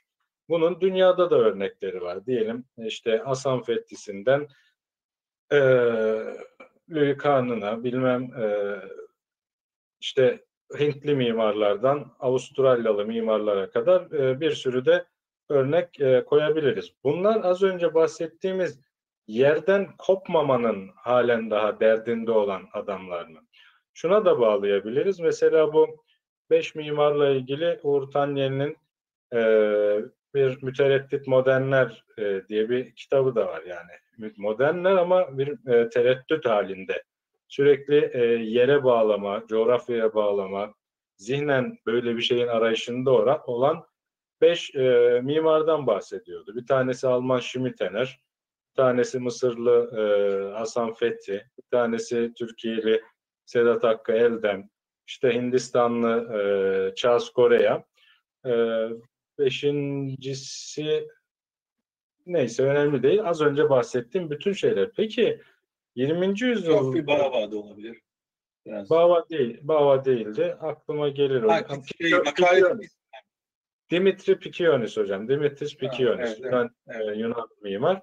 Bunların hepsi farklı coğrafyalarda esasında e, neredeyse e, aynı şeyin peşinde koşan adamlar diye bir tanımlaması var. Yani mütereddit modernler. Peki bu insanlar mimar olarak artık kimlikleri bir şekilde mimar olarak tanımlanmış insanlar ve mimariyle uğraşan adamlar. Yani bir form verme, vücuda getirmeyle uğraşan adamlar olarak acaba bunlar neyin peşinde artık diye düşünmeden edemiyorum doğrusu. Yani buna Turgut Cansever'i de ekleyebiliriz. Ee, bir şekilde mimarlığın üslup sonrası çağında olsak bile arayışın kendisi, e, bireysel e, arayışın kendisi halen daha çok önemli bir şey gibi e, gözüküyor. Yani e, az önce bahsettiğimiz olumsuz diyelim bir sürü örnek çok içimizi böyle kabartmıyor. Aman aman ne mimari var burada demiyoruz ama bu adamların işlerine baktığımız zaman e, burada enteresan bir şey var. Burada bir ruh var. Burada bir eklemlenme var. Yani aynısı gibi olmasa da diyelim baktıkları yerle, onların baktığı geçmişle ya da şimdiki zamanla ya da kullandıkları malzemeyle aynı başka bir terkibe büründürmüş olsalar dahi burada bir şey var diyoruz yani. Bir, bir eşik var sanki, bir kritik evet. eşik var. Bir mimarlığın geldiği noktada bu kritik eşik acaba ne olabilir? Ya da do- doğrusu e, üslup belki hiç yoktu da bütün tarih boyunca o kurgusal tarafları vardı. Artık daha mı sağlam zeminlere oturdu? Yani üslubun ötesinde şahısların ya da mimarların ya da sanatkarların üretimleri üzerinden artık bir zihin inşa ediyoruz. E, bir okuma yapıyoruz gibi böyle e, buraya buradan devam edebiliriz hocam. Evet, e, e, demin dedim ya acaba gerçekten makina çağının, endüstri çağının tekniklerine, araçlarına, söylemlerine mimarlık muhtaç mıydı? Ben bunu bir başka şekilde, başka bir şeyi sorarken e, bir makalemde ele almıştım. Orada şeyi düşünüyordum. Ya acaba betonarme, çelik falan olmasa nasıl bir dünyada yaşıyor olurduk diye düşündüm. Yani baktım hani asma köprüler falan e, dışında e, yapamayacağımız bir şey yok. Yani neredeyse bütün e, şu andaki konut işleri belki işte e, çok büyük kapalı salonları yapamayabilirdik. Onlara çelik çatı gerekiyor. Fakat e, bütün yapısal çevreyi e, daha önce mimarlık tarihinde olduğu gibi e, tarihten kalan birçok yapıyı zaten kullanmıyor muyuz yani? Mesela AVM de var bugün e, cam çelikten, metalden ve her türlü modern klimalarla. Kapalı çarşıda var. E, ikisi de vızır vızır işliyor. E, belki yüksek apartmanlar yapamayacaktık e, deprem tehlikesi e, nedeniyle. Daha alçak katlı kagir binalar meydana getirmek zorunda kalacaktık. Bazen ahşap. E, düşünüyorum e, o zaman şehirlerimiz de herhalde çok daha iyi olacaktı. yani kendiliğinden. Yani aslında bir takım e, e, başka nedenlerle mimarlığın içine sokuşturulmuş bu şey daha sonra e, tamamen işi çığırından çıkarılacak çıkaracak bir e, bir e, baş, bir yapı sektörü meselesine dönüşmüş durumda. Yani mimarlığın elden bir nevi gitmesine neden olmuş. Mesela biraz önce Sigurd Leverentz'ten bahsettin. Leverentz'in e, o iki meşhur kilisesini düşünüyorum şimdi. İsveçli bir mimar 1960'ların başında iki tane meşhur kilise yapıyor. Daha önce daha çok klasik tarzda, romantik klasik tarzda yapıları var. Ve e, burada neredeyse e, görüntünün çoğu ve malzemenin çoğu e, pişmiş tuğladan oluşuyor. Pişmiş tuğla harç. Fakat içerisinde beton da var, ahşap da var, çelik de var, taş da var. Hatta tuğla ve çeliği öyle bir kullanıyor ki yan yana getiriyor ki ben bunu şöyle anlatıyorum. Yani ne bu eski ne bu yeni. Yani çeliğin e, aslında o çok endüstri mimarlığını çok sevenlerin öne çıkardığı o bütün avantajlarını unutturucu. Onu sadece bir e, bir malzemeye neredeyse hani üzerinde düşüneceğimiz, e, tefekkür edeceğimiz bir e, bir varlığa çeviren tuğlayla birlikte birlikte kullandığı için tonozlarla vesaire bir bir aslında bir estetik söz konusu. Tamamen tekil bir iş, evet ve sanat ve aynı zamanda da enteresan bir şekilde yani e, geleneğe benzememesine rağmen e, hep oradaymış gibi. O, o yerdeymiş. Evet. Evet. Emine Öğün'ün Emine Öğün'ün bir tabiri var onunla ilgili. Sanki bütün e, zemini, o yeri kaplayıp ya da oradan e, içerisine alıp yukarı bir mimari e, olarak vücut bulmuş gibi anlatıyordu Klipa'nın. Evet. E, bu tabii e, yer meselesi diğer taraftan yani ikircikli bir mesele. Yani bu yerin kendisini ortaya çıkarmanın e, şöyle bir dezavantajı da var. Bunu da gözden kaçırmamamız lazım. Yani biz romantik, bu roman, batın içerisinde bir alt dalga olarak devam eden bu romantik hareketleri bazen hani e, mainstream'e, ana akıma karşı gördüğümüz için e, biraz çabuk benimsiyoruz. Mesela Zuntorları falan çabuk benimsiyoruz. Fakat diğer taraftan e, Klippan'ı şöyle de görebiliriz. E, işte o Klippan'daki işte kiliseyi veya işte Björkshagen'deki o kiliseyi, o iki kiliseyi aslında o ortaya çıkardığı yer senin dediğin gibi hep oradaymış gibi. Yani İsveç'te değil, e, protestan e, bir ülkede değil, sekülerleşmiş bir modern bir İs İsveç'te değil. Anlatabiliyor muyum? E, o mimarlık tarihi oradan siliniyor bir şekilde. Evet, e, modernizmi eleştiriyor. O yüzden şey bu gibi e, eserleri hani Frampton bayla bayla eleştirel bölgeselci der ya. Bir tür e, tahsih var orada. Fakat bölgenin kendisi kültürel tarihiyle geri gelmiyor. Yine evrensel bir bölge olarak sadece insandan önceki karakteristiğiyle ön plana çıkıyor. Bu tehlikeli bir şey aynı zamanda. Çünkü modernist söylemde de böyle bir şey var. Bu e, Gideon'da çok hissedilir. Onun kullandığı mü- müthiş bir tabir var. E, zaten bence bir nevi bu işlere ruhunu veren kişi o. E, eternal present İngilizcesi. E, Almancası ne diyorlar, ne, ne demiştir bilmiyorum ama yani ebedi şimdi. Bunu da şeyde buluyor. Tarih öncesi mağara resimlerinde falan buluyor. Yani öyle bir e, sanat edimi orada hissediyor ki bu insanlar bir tarihe ma- ma- ma- şey olmadıkları için, dah- dahil olmadıkları için, tarihin farkında olmadıkları için, tarih öncesi insan oldukları için çok doğal bir şekilde ebediyete kadar sürecek bir şimdinin içerisinde var oluyorlar. Yani modern batılı insanın e, krizinin merkezinde olan tarihselcilik sorunu onlarda yok. O yüzden Le Corbusier gibi e, insanların modern resmi neden e, modern mimarinin bir nevi altyapısı olarak devraldıklarını burada anlayabiliyoruz. E, çünkü orada da bir e, ebedi bir şimdiyi resmeden asil bir vahşi var. Asil vahşi de yani Jean-Jacques Rousseau'ya atfedilen bir tabir. Hani asil vahşi nedir? Medeniyetin bozmadığı insandır. Bir Kızılderili mesela.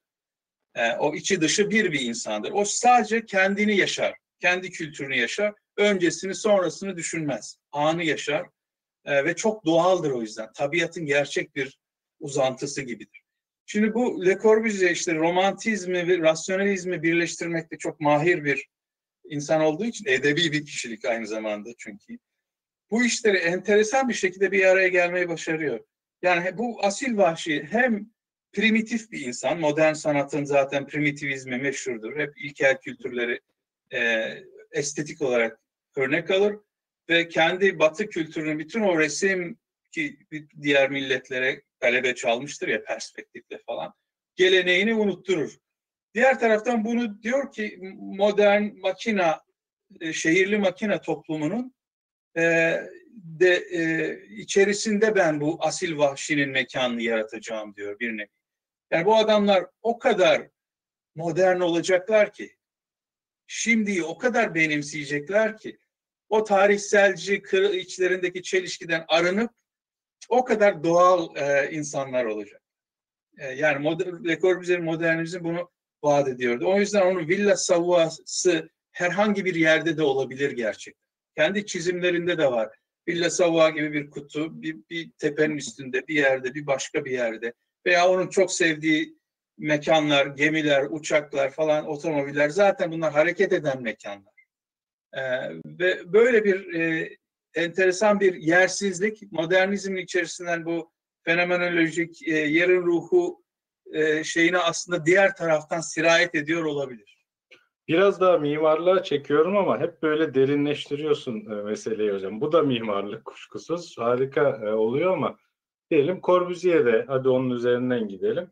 Bütün o e, e, her yerde olabilecek olan şeyi bir e, bir sanat e, eserini diyelim oluştururken evet bir taraftan makinayla e, uzlaşma ve hatta onu gereğinden fazla vurgulama şeyine giderken öbür taraftan da diyelim e, İstanbul'u dolaşıyor ve İstanbul'da bir takım e, üretilmiş çevreler görüyor. İşte Kuzey Afrika dolaşıyor falan e, ve burada nitelikli bir üretim, tırnak içerisinde bir üslup olduğundan ve bunların da bir takım ilkeleri olduğundan kendisi oradan ilkeler çıkarıyor ve e, bunu da modern mimarisine diyelim yamıyor. Yani bu da bir çelişki sanırım değil mi? E, Corbusier açısından. Yani vardırdığı yer başka bir yer ama baktığı yer şey bir yer. Yani biraz e, hani o eskiye bakmama değil yani. Aksine eskinin en yakın zamanlısına dahi bakma. Hani ta Yunan'a gitti e, çoktur ama e, bu zamanda da olduğu zamanda da üretilenlere bakma gibi bir şey var. Belki Cansever'den devam edelim. Yani onun da e, bu bakma ve e, tekrar üretme e, gibi bir e, yaklaşımı var. Bu anlamda e, aynı yere aynı yoğunlukta bakmıyorlar ama Diyelim e, az önce tehlikeli bir şey olarak e, bahsettin biraz da e, şeyi e, Sigurd Leverens'in o yeri e, alma ama orada o şey yok, o hayat yok dedin. Cansever'in hislerine bakalım Yusuf Hocam. Bu enteresan bir şey olarak e, geldi bana şimdi. E, kayıt yapılmıyormuş gibi düşün mesela. E, şöyle yani bütün bu e, o yeri toplama, e, o yerdeymiş gibi e, olma hali Cansever'de de var. Mesela Demir Tatil Köyü e, esasında evet tatil köyü belki bu zamanın ruhuna oraya uygun bir şey ama mimarisi diyelim e, çabasında olduğu şey tehlikeli bir şey mi mesela? Diyelim e, Türk Tarih Kurumu e, o tehlikenin neresinde o bütün şeylerden ürettiği işte bir takım e, tarihsel referanslarla ürettiği şey. Diyelim Ballık Kuyumca da önerdiği işte e, değişik yerlerde önerdiği konut projeleri vesaire. Bunlar da sonuçta e, belli bir tırnak içerisinde üslup arayışında e, olan şeyler olarak görülebilir ama bunu bir üslup olarak tanımladığını da hiç zan, gö, zannet e, yani çok böyle kafamda kalan bir şeyi değil. Yani bu eski büyük Asya yapıcılarının, eski yapıcıların e, kullandığı bilginin, inşa etme bilgisinin ve ürettikleri e, değerin bir şekilde titizlikle, e, ciddiyetle araştırılıp e, bugüne getirilmesinden bahsediyordu. E, ve o yer e, meselesi Cansever'de de çok önemli bir e, yekün e, oluşturuyor. Bu anlamda bu coğrafyaya dönersek hocam, Cansever'den başlayıp e, diğer e, insanları da belki dahil ederek bu arayışın kendisi anlamlı mı sence? Güzel. Ee, biraz önceki konuşmalarımdan ek yaparak e, ona geleyim müsaade edersen. Ee, dedik ya bu Estağfurullah e, hocam sah sahura kadar yolu var böyle. Yok yani bağlantılı olsun diye. Yani tamam. bu adamların e, üsluptan kaçışı e, ile vardıkları sonuç bir noktada toplanıyor. Demin de söylediğim nokta o. Adolf Loos için bu e, bir bir köylü mesela 1910 tarihli mimarlık üzerine yazısında diyor ki ya işte bu köylü bir ev yapar. E, işte ona üstüne duvarları örer. Bir tane badana yapar. Elinde tek bir tek o vardır. Kireç badanası yapar. Üstüne bir çatı koyar. Çatı güzelmiş değilmiş umursamaz. Çatı çatıdır der. İşte bunlar hep aslında diğer taraflarda hep kafanızda bir yerlerde çok uzak yankılar olarak zoom torları falan da düşünebilirsiniz. Ama bu adam sanatkar değildir. Çünkü sanatı kimse sevmez der Loos. Sanat çünkü o işte kültür sorunları yaşayan şehirli insana ait. Yani ne biz e, diyor ki biz şehirli yeni modern burjuvazi ne aristokratlar gibi sanattan anlarız ne de bu köylüler kadar doğal bir şekilde yapı kültüründen e, anlarız, kültürden anlarız. Biz arada köksüz bir topluluğuz.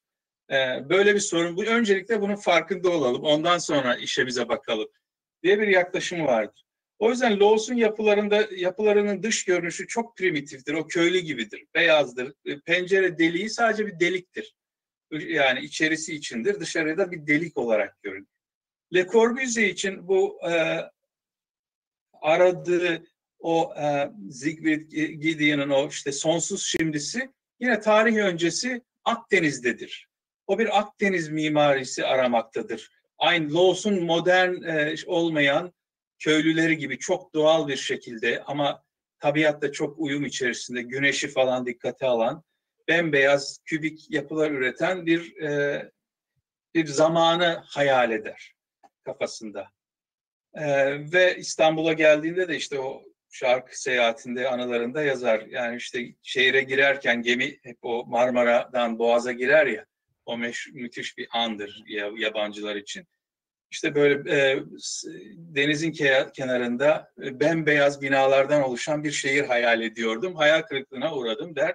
Tabii karşısında e, kar karışık bir İstanbul manzarası. Fakat daha sonra dediğin gibi e, o Osmanlı mahalleleri onu epey e, etkileyecek ve sürekli vaktini orada geçirecek. Ve Osmanlı'yı değiştirmek isteyen e, şeylerle, e, bu e, Jön Türklerle e, ki kendi yaşadığı yerde onlar bulunuyor. Daha çok onları görüyor. İşte Pera civarında otelde kalıyor. Bu da Ve gündelik hayatlarına devam eden Müslüman Türkler arasında karşılaştırmalar yapar.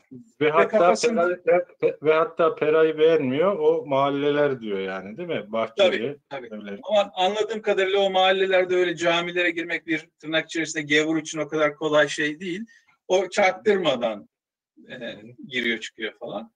Ama e, anladığım kadarıyla e, işte o romantik ya bu adamlar özellikle de o kadar ortadan ikiye bölünmüş bir kişi ki. Yani e, Avrupa'nın geleneğinde olan o egzotikliği seven oryantalist romantik karakter ile özellikle Fransızların çok e, düşkün olduğu e, bir nevi makine sanayinde ve şimdiyi ve geleceği yaratmakta öncülük etmek etmesi gereken medeniyetin e, taşıyıcısı Avrupalı arasında tam olarak ikiye bölünmüş. Ve Corbusier de öyle. E, işte bu Müslüman Türk'ün işte Osmanlı'nın var ettiği o aslında bir nevi tarih öncesi gibi, batı dışı gibi izole olarak hala orada durmakta olan o dokuyu dokuya bağlanır. Diğeri zaten Galata, Pera, batıdır yani.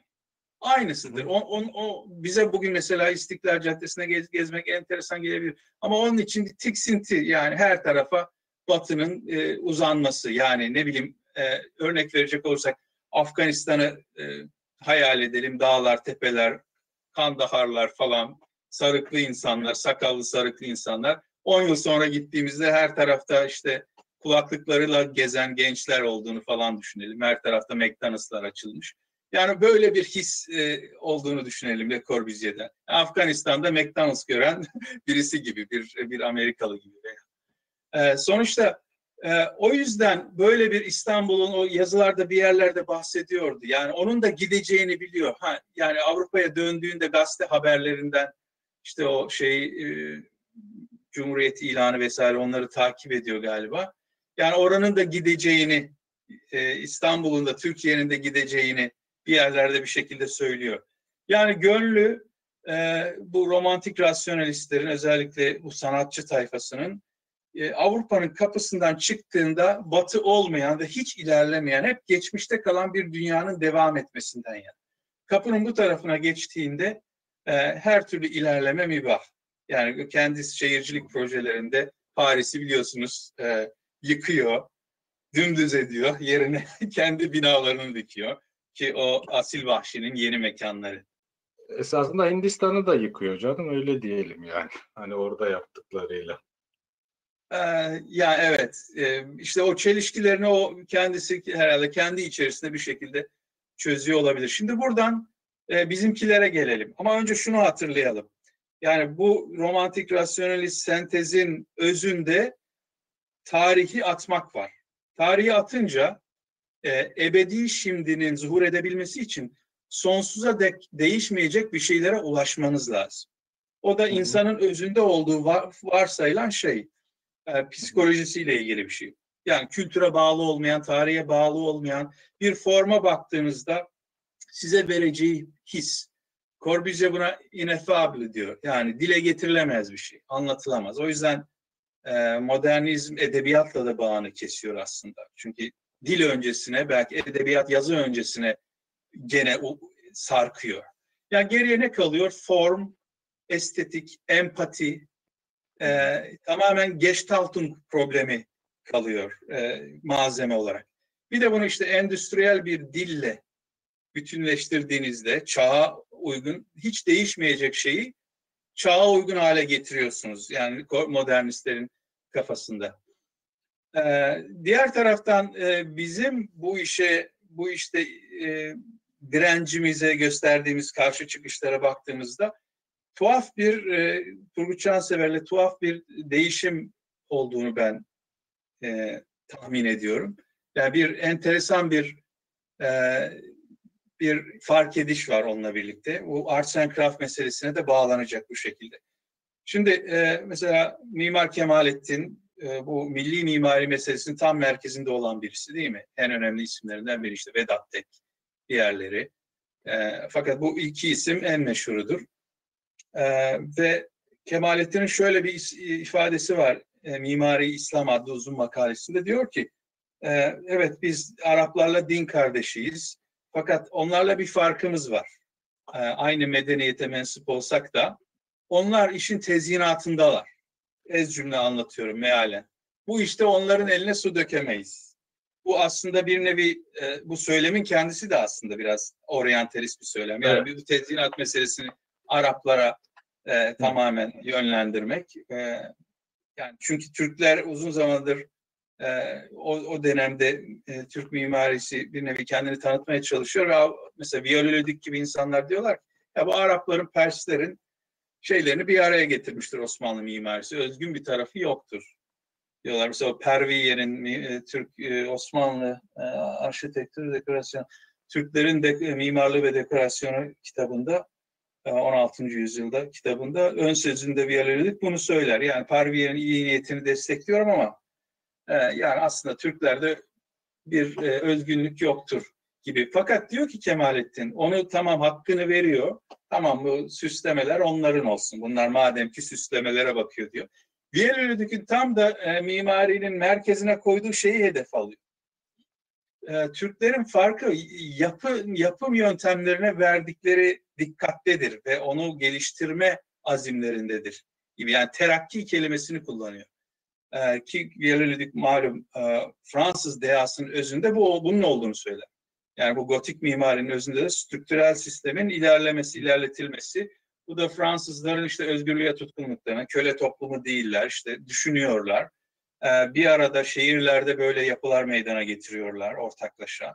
Ve çok daha e, strüktürel olarak rasyonel strüktürler, yapılar meydana getiriyorlar. İşte e, Kemalettin de aynı şeyi söylüyor. Osmanlı mimarisi de aslında yapım sistemleri açısından e, ilericidir. Hatta Bizantin sistemin bile almıştır, kendine mal etmiştir ama onu ilerletmiştir diyor. Osmanlı mimarisini. Yani e, böyle bir enteresan bakış açısı var. Şimdi mimarisine bakıyoruz. Evet Osmanlı e, mimarisi meydana getirmeye çalışmış. Neo Osmanlı. Ve daha önce işte usulü mimari Osmani yazan Levantenlerin, gayrimüslimlerin e, bir nevi öne çıkardıkları eklektik oryantalist, eklektik mimariyi reddediş var. Yani kozmopolitliği reddediş var. Tekrar bir kimlik arayışı var. Osmanlı, Türk artık giderek daha, tabii daha çok Türk. Ve e, bununla yaptığı şeyler evet e, şu, baktığımızda betonarme iskeleti olan te, yani ilerle ilerlemeye açık ama görünüş itibariyle de e, hem Osmanlı karakterini diğer şeylerden ayırarak e, işte oryantalist e, ve Avrupa'yı izlerden temizleyerek tekrar ortaya koyma çabası var. Yani İstanbul'a damgasını vurmaya başlayan o e, Avrupa'yı üslupların karşısına gene onlarla aynı boyda devasa hamlar vesaire yapılar çıkarıyorlar bu nesil. Diyorlar ki biz de varız ama kendi üslubumuz. Fakat zaman içerisinde bakıyoruz Kemalettin Bey'in daha sonra yapıları giderek e, dışarıda da modernleşiyor. Mesela Hmm. Ankara'daki e, vakıf anıyla ne bileyim Sirkeci'deki vakıf anını kıyasladığınızda Ankara'daki o kadar sadedir ki dışarıda. Yani artık o e, modernistlerin çok sevdiği e, kabukla yapı arasındaki tezatlık giderek görünmez hale gelmeye başlamıştır. E, yani bir yapıştırma kagir cephe yerine sanki dış için bir yansıması gibi görünmeye başlamıştır. Yani te, e, şeyde Kemalettin Bey'in düşüncesinde bu var. Aynı çizgiden yola devam eden Sedat Hakkı Eldem'in yapılarına bakalım. İşte e, ilk e, şeyleri, ilk tasarımları, Fen Edebiyat Fakültesi, ondan sonraki e, yalıları vesaire.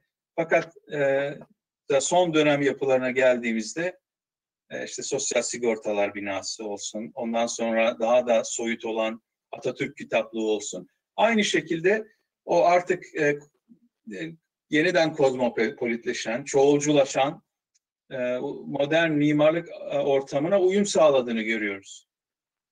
Yani o çok katı bir e, uslup arayışından e, milli mimari üslubunu e, şahsi bir üsluba çeviren birini görüyoruz. Anlatabiliyor muyum? Herkese mal olacak, ta kökleri tarihte olan bir üsluptan köklerinin tarihte olduğu istediler ama çok muğlaklaşmış bir üsluba sahip gibi geliyor. Çok çok önemli bir 20. yüzyıl manyeristinden bahsediyoruz değil mi? Ee, evet işte yani Kemalettin Bey'de de e, e, Sedat Hakkı Eldem'de de Berlage'de de e, Le Corbusier'de de yani bütün bunların hepsinin eserlerine baktığınızda hepsini aslında kendilerinin e, eleştirmenleri ve manyeristleri olduğunu rahatlıkla söyleyebiliriz. Yani hep sürekli üsluplarını değiştirmişler. Yani bu kolay bir şey değil yani e, bir mimar için. Daha önce böyle olası bir şey değil. Turgut Cansever de öyle. İşte mesela Sedat Hak oraya bağlamak için araya gireyim hocam. Diyelim Sedat Hakkı da gene önemli bir şey söylüyorsun. Ee, Sedat Hakkı e, tarihte olan e, bir takım formları gene forma e, indirgemiş durumda tabii yani e, meseleleri onu söylemek lazım.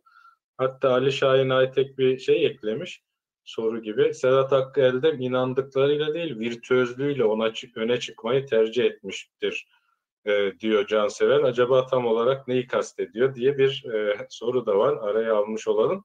Sedat Evet. Hakkı Eldem o genel diyelim üslup meselesini e, yüksek yerlerden alıp kendi bireysel e, mimarisine, kendine hasretmiş bir adam ve oradan belki tek başına bir üslup e, üretmiş bir adam diyebiliriz. Şimdi Cansever'e buradan bağlarsak e, başlangıçta ortak tarafı var. Fakat sanki zamanla e, Cansever'in e, böyle bir e, kendini mimar ya da sanatkar, modern sanatkar olarak var etme şeyinde hafif hafif böyle geri adımlar görüyoruz gibi bir durum var. Yani son dönem eserlerine özellikle bakarsak anonim gibi görülmesine e, dair bir e, daha fazla çaba var gibi gözüküyor ilk dönem eserlerine göre diyelim e, işte Karatepe'ye göre diyelim tarih kurumuna göre Anadolu Kulübü'ne göre giderek orada bir şeyleri fark etmiş gözüküyor anladığım kadarıyla. Acaba nedir onlar? Evet işte tam da bu soru onu bağlıyor zaten. Ee, yani bu Turgut Çansever e, bu lafı ettiyse bu lafı belli bir yaşta etmiştir. Yani Sedat Hakkı Eldem e, inandıklarına e, virtüözlüğün, virtüöz İnandıklarıyla değil virtüözlüğüyle öne çıkmayı tercih öne etmiştir. çıktı. Tamam. Şimdi e, Türk Tarih Kurumu mesela aslında o da bir virtüözite içermiyor mu? Yani orada bir e, bir bireysel bir yaratım söz konusu ve modern e, bir sanatçı eserini ortaya koymuş. Hiçbir başka esere benzemiyor. Tekil bir üretim. E, o bakımdan e, kendi başına bir şaheser. Evet. E, fakat işte biz e, mimarlara, sanatçılara hep böyle bir zaman içerisinde sanki ebedi bir şimdi de ebedi bir o anda yaşıyormuş gibi bakmamalıyız. Artık böyle bir şey mümkün de değil sanırım. Yani bu insanlar e, sürekli değişiyorlar. Öyle bir çağdayız ve bu, bu normal. Normalliği başkaları da öyle olduğu için değil. Çünkü ilk başta söylediğim şey gibi aslında benim aradığım şeyde bulamadığım şeyde sürekli aramak zorundasınız. Her yaptığınız kurgusal olmak zorunda. Bunu kabul etmek zorundayız.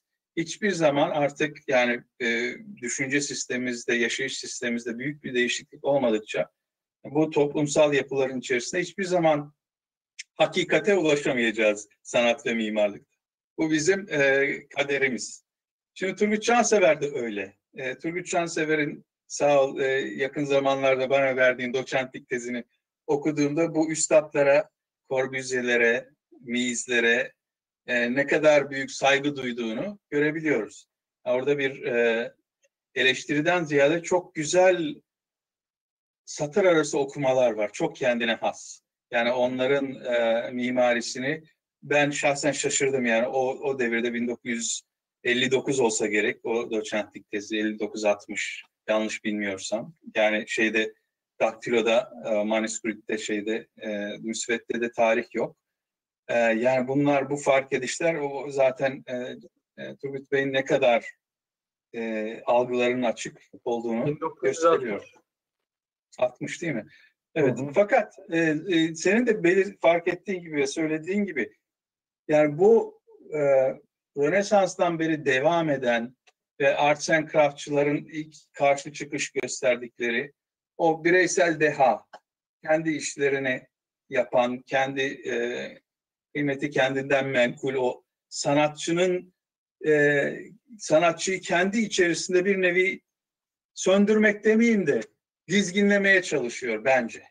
Ve burada Hmm. Arts and Craft'a evet yaklaştığını söyleyebiliriz ama tabii ki de Osmanlı e, sanatkar, zanaatkarı bağlamında veya Osmanlı mimarı gibi.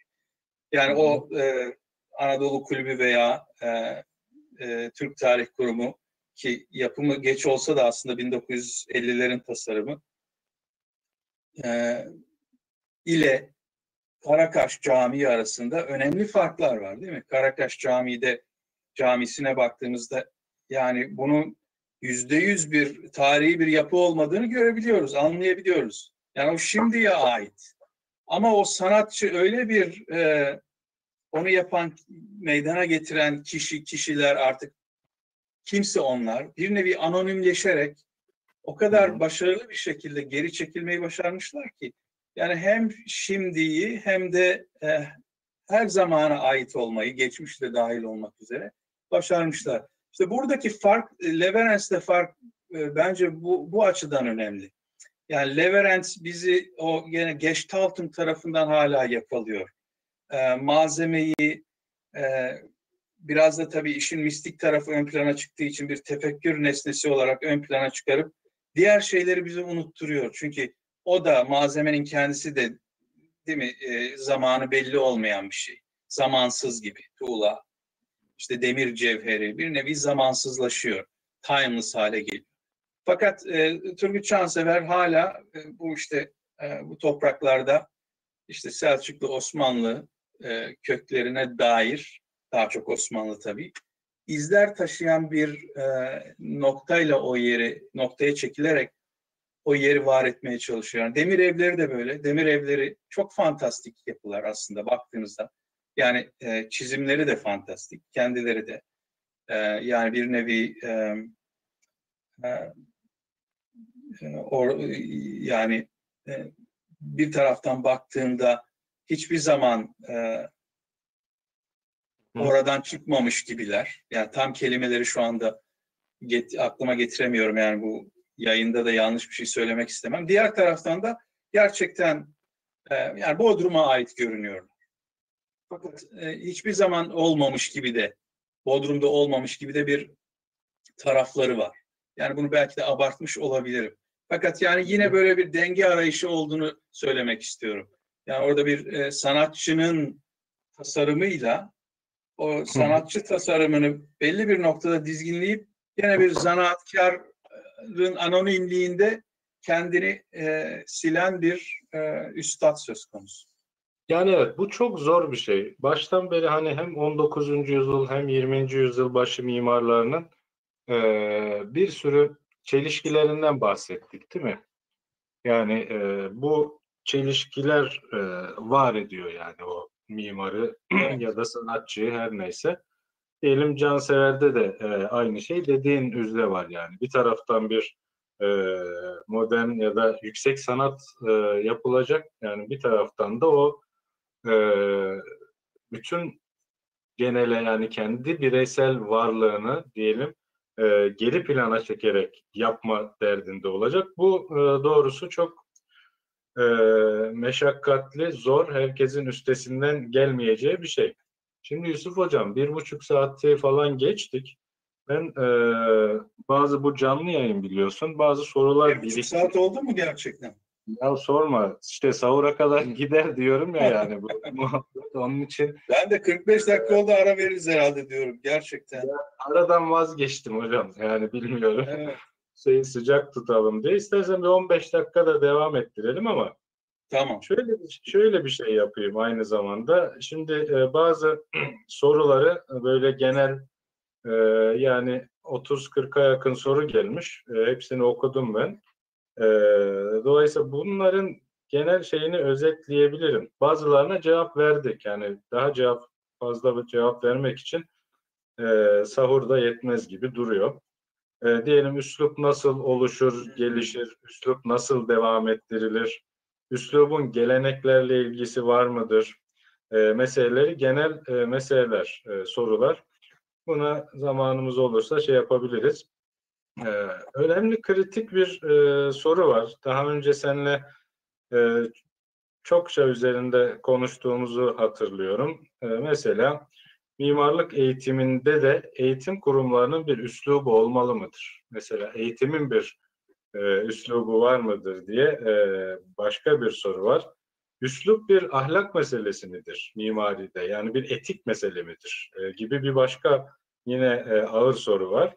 E, sorulardan bir tanesi e, işte gerek Pritzker gerek Ahan gibi ödüllerin e, mimarlıkta üslup belirleme bağlamında bir önemi var mı yani bu e, ödül mekanizmasının e, yönlendirici e, etkisi üzerinde konuşulabilir mi e, gibi bir e, soru var.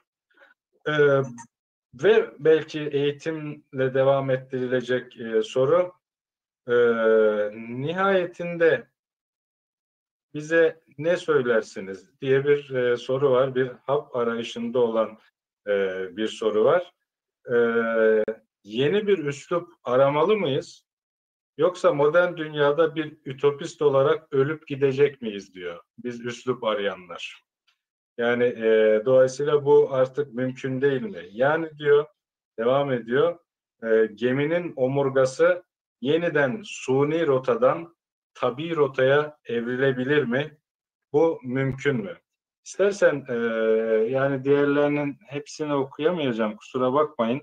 Hani mahallilik, evrensellik e, midir gerçekten gibi bir soru da var. Hani yer bağlamında üzerinde konuştuk gibi duruyor. E, iki mesele üzerinde odaklanarak istersen e, bitirelim Yusuf Hocam. Bu e, çok uzun sürer. E, bir tanesi ve belki bunu sona alırız. E, eğitimde bir üslup var mıdır? E, bir de asıl bu soru e, eski şeyler e, suni olarak oluşturulmuş Rönesans'tan beri e, rotalar diyelim bir tabi rotaya evrilme durumu mümkün mü artık 2020'de 22. yüzyılda 21. yüzyılda insanlığın geldiği bir noktada ve yeni bir üslup aramak beyhude bir çaba mı arıyorsak da ütopistler olarak ölüp gideceğiz mi? Böyle dertli sorular var hocam. Yani sonuçta e, hepimiz ütopistler olarak ölüp gideceğiz. Ütopya'ya ulaşacağız ölüp gidince inşallah. Ver Ütopya orada yani. Hocam a- aklımdayken şey yapayım şu romantikler meselesine değindin ya. Aslında bu Evet. romantikler muazzam bir şey. Yani insanın Evet. topyekün ölmesine engel olan bir şey bir taraftan. Yani Evet. e, insanın e, varlığını devam ettirmesi için önemli bir şey gibi duruyor bu romantisizm. Yani bunu Evet. mukaka etmek çok kolay. Çok yığınla e, şeyler yazıldı, çizildi üzerinde ama e, bir şeylerin tedavi e, aracı en azından. Bir şeylerin e, ehlileştiricisi diyebiliriz. Yani hem romantik hem e, idealist olarak ölüp gidebiliriz. Evet. Buyur hocam. Yani hep e, diyorum yani Turgut Şansever bir romantikti fakat e, yani ki romantizm modernizme direniştir, yani moderniteye direniştir. O yüzden e, gerçekten e, yani bu e, bir nevi e, denge mekanizmasıdır. Olmazsa olmaz. Bence bu postmodern çağla birlikte e, kapitalizmin üzerinden geçtiği bir şey oldu. Yani romantizm neredeyse öldü gibi. E, çünkü bizde zaten yoktu. Mesela Turgut Cansever romantikti. Ne bileyim Nurettin Topçu romantikti.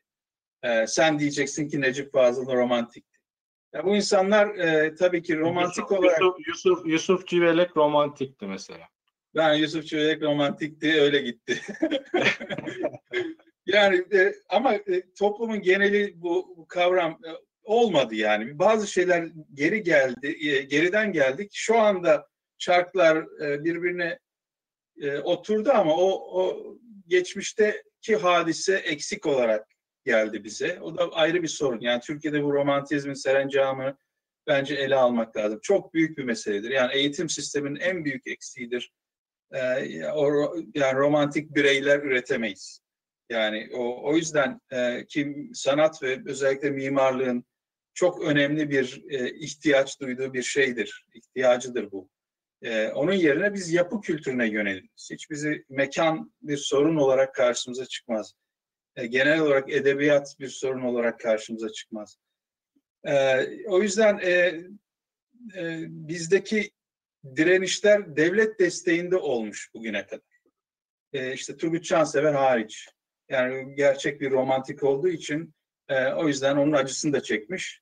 Yani sonuçta bildiğiniz gibi yani üretebileceğinin onda birini üretmiş. Çünkü ha dediklerin çok güzel deyip de sonuçta onunla onunla aynı dünyayı genel olarak paylaşmayan insanlar tabii ki ona bu romantik, romantik kavramını dediğim gibi arkadaşlar e, çok böyle hafife almasın. Hani romantik derken burada bir aslında e, şahsiyetten, bir e, vakardan, bir itirazdan, bir duruştan da bahsediyoruz. Tabii, yani tabii, romantik tabii. değil, romantik Türk filmleri gelmesin akla yani. Tabii yani bir şeyleri değiştireceksiniz. Yeni yeni bir şey kuracaksınız. Ee, ne bileyim bir nesil yaratacaksınız veya bir e, bir şehir yaratacaksınız değil mi? Turgut Çansever şehir peşinde, şehir ve mimarisi peşinde, bir başkası nesil peşinde vesaire. E, fakat e, bu işin üslup e, ve eğitim söz konusu olduğunda yani aynı üslubu e, paylaşacak iki akademisyeni bile, iki eğitimciyi bile bulmanız epey güç. Yani o evet. bir hayal. Yani o okullarda olabilecek bir mesele değil. Yani okullar bu işin anahtarı değil. O üslup, ar- üslup aramalıyız mı diyorsun yani? Ne diyorsun hocam? Ya e, hedefimiz üslup aramak olursa e, bu sadece işte daha önceki tarihsel örnekler ki geçmişe bakmayı da pek sevmiyoruz. Ben o yüzden hani o makaleyi yazmıştım. Yani geleneksel sanatlar deyip duruyor birçok insan. E, yine e, hiçbir şekilde aslında umursamadan ha, bu bizim herhalde bizim kültürümüzün bir parçası falan diyerek hani e, benimsiyorlar. Fakat o geleneksel sanatlarla uğraşan insanların hani Bauhaus'ta neticelendirdiğini bu işi göstermek istemiştim bu yazıda. Yani sonuçta ortada bir e, ekonomik mekanizmaları olan bir sistem var. Değil mi? Yani bunları artık e, geçmişte olan hadiseler biliniyorsa Türkiye'de de e, bir farklı bir şey yaşanmayacağı belli. Yani o yüzden başka bir bakış açısı olması gerektiğini öne sürmüştüm. Yani bizim hedefimizde bir üslup arayışı, bir diriltme arayışı olmamalı. Ee, ama e, bu e, mimarlar olarak bütünü kapsayacak bir perspektif nasıl sağlanır onu bilemem.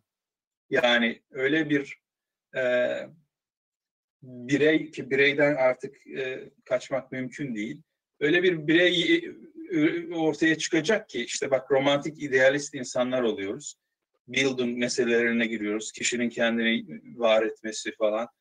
Yani bu eğitim sistemi, devlet falan bunlar işte Alman romantizmi kaçınılmaz olarak değil mi? Buralara varmış, aynı sonuçlara varmış. Yani okullardan çıktığında zaten e, biz ona yani şu üslubu yapmalısın, bu üslubu yapmalısın o kadar demek zorunda olmamalıyız. Çünkü biz de ne yapacağımızı bilmiyoruz. Fakat öyle bir e, bir altyapı olacak ki e, o an için gerekli olan en doğru, en ahlaki, en güzel şey neyse o e, olabilecek belki. Yani şu anda e, daha idealist bir şey göremiyorum. E, diğer taraftan e, yeni bir milli mimari üslup e, arayışları bana e, sürdürülebilir gelmiyor. E, ama bütün bunlar hiçbir siyah beyaz değil. Yani en ufak bir e, bazen çoğu insan ideolojik sebeplerle eleştirdiği en ufak bir ek bile yani ne bileyim bir saçak, bir şey, bir pencere bazen çok güzel durabiliyor. O kadar çok e, yap, tamamen e, ekonomik nedenlerle meydana getirilmiş bir yapısal çevrede yaşıyoruz ki. Yani o kadar e, şeyi, kültürü reddeden bir çevrede yaşıyoruz ki. Bunların güzel geldiğini de yatsıyamam. Yani kendi içerisinde e, üslupçuluk şu anda okullarda, eğitim yapılarında, devlet yapılarında kısmen hakim olan o üçüncü milli mimari diyebiliriz. O üslupçuluk e, çok e, çok basit olsa da gerçekten çok basit. Hiçbir felsefi derinliği yok. Yapıştırma mimarisi. E, yani bu bunu kategorik olarak kötü ve çirkin diyemem. Kendiliğinden bazı güzellikler taşıyor. O da ayrı bir mesele yani. Hı hı. Yani burada net bir şey söyleme, söylemeyi kimse bence yani dürüst bir şekilde e, dürüst olarak yapamaz bence. Yani biz akademisyenlerin de şeyi bu değil mi hocam? Bütün e, tarihsel şeyi güzel özetliyoruz. E, böyle aslında bu tartışmalar yapılmış, edilmiş falan filan ve şu anda geldiğimiz noktada da e, esasında bir e, önerimiz yok. E, belki öyle bir zamana geldik. Yani e, öneriler artık kavramsal hapishanelerle ya da reçetelerle verilmemeli. Öyle bir çağda değiliz. Yani Evet, aynı fikirdeyim.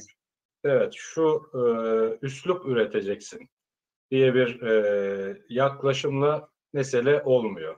Ya özellikle mimarlıkta. Çünkü daha önce de e, belirttiğim gibi benim yerleşik bir kanımdır bu. E, mimarlık artık e, formalist bir şeydir. Yani özellikle eğitimin kendisi biçimcidir.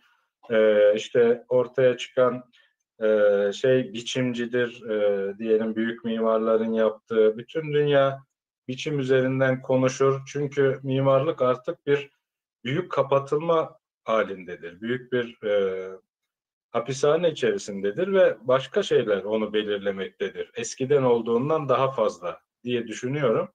Bu anlamda e, bunun farkında olarak buna ya da bu e, tezgaha e, daha fazla malzeme üretecek kavramsal hapishanelerden ısrarla kaçınmak lazım geldiğini düşünüyorum. Mesela bir tanesi üslup, bir tanesi gelenek ya da gelenek modernlik e, şeyi ilişkisi ya da kavramsallaştırması. Bir tanesi medeniyetimiz gibi büyük e, laflar falan. Bunları bir kere e, tedavülden behemahal kaldırmak lazım geldiğini düşünüyorum. Bu bunun spekülatif bir e, ifadeden ziyade çok sert söylenmiş bir şey olduğunu e, kabul edebilirsiniz. E, önerim de şöyle bir şey.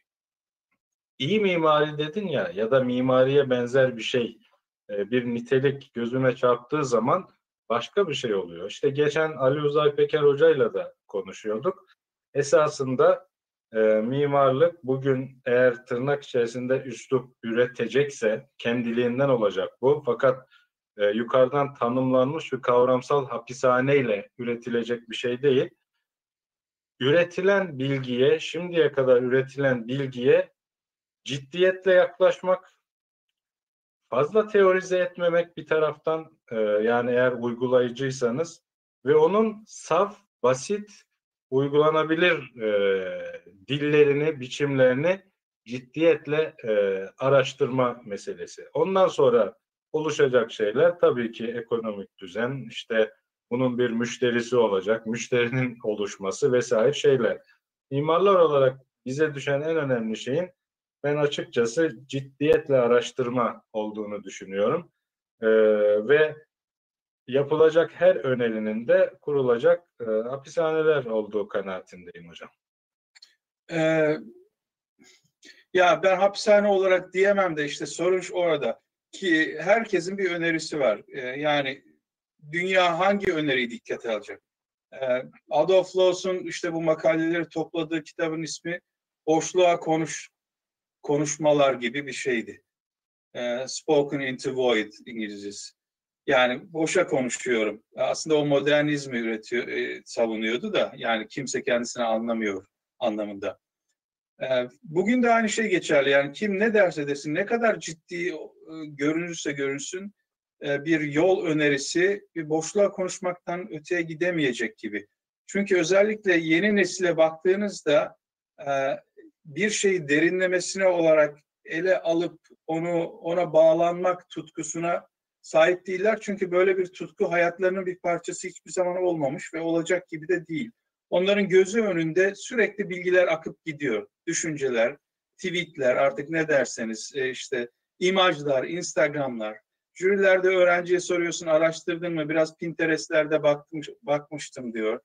Yani böyle bir dünyada yaşıyorlar ve hiçbir şekilde bu dünya onlara bir şeylere tutunmalarına izin vermiyor.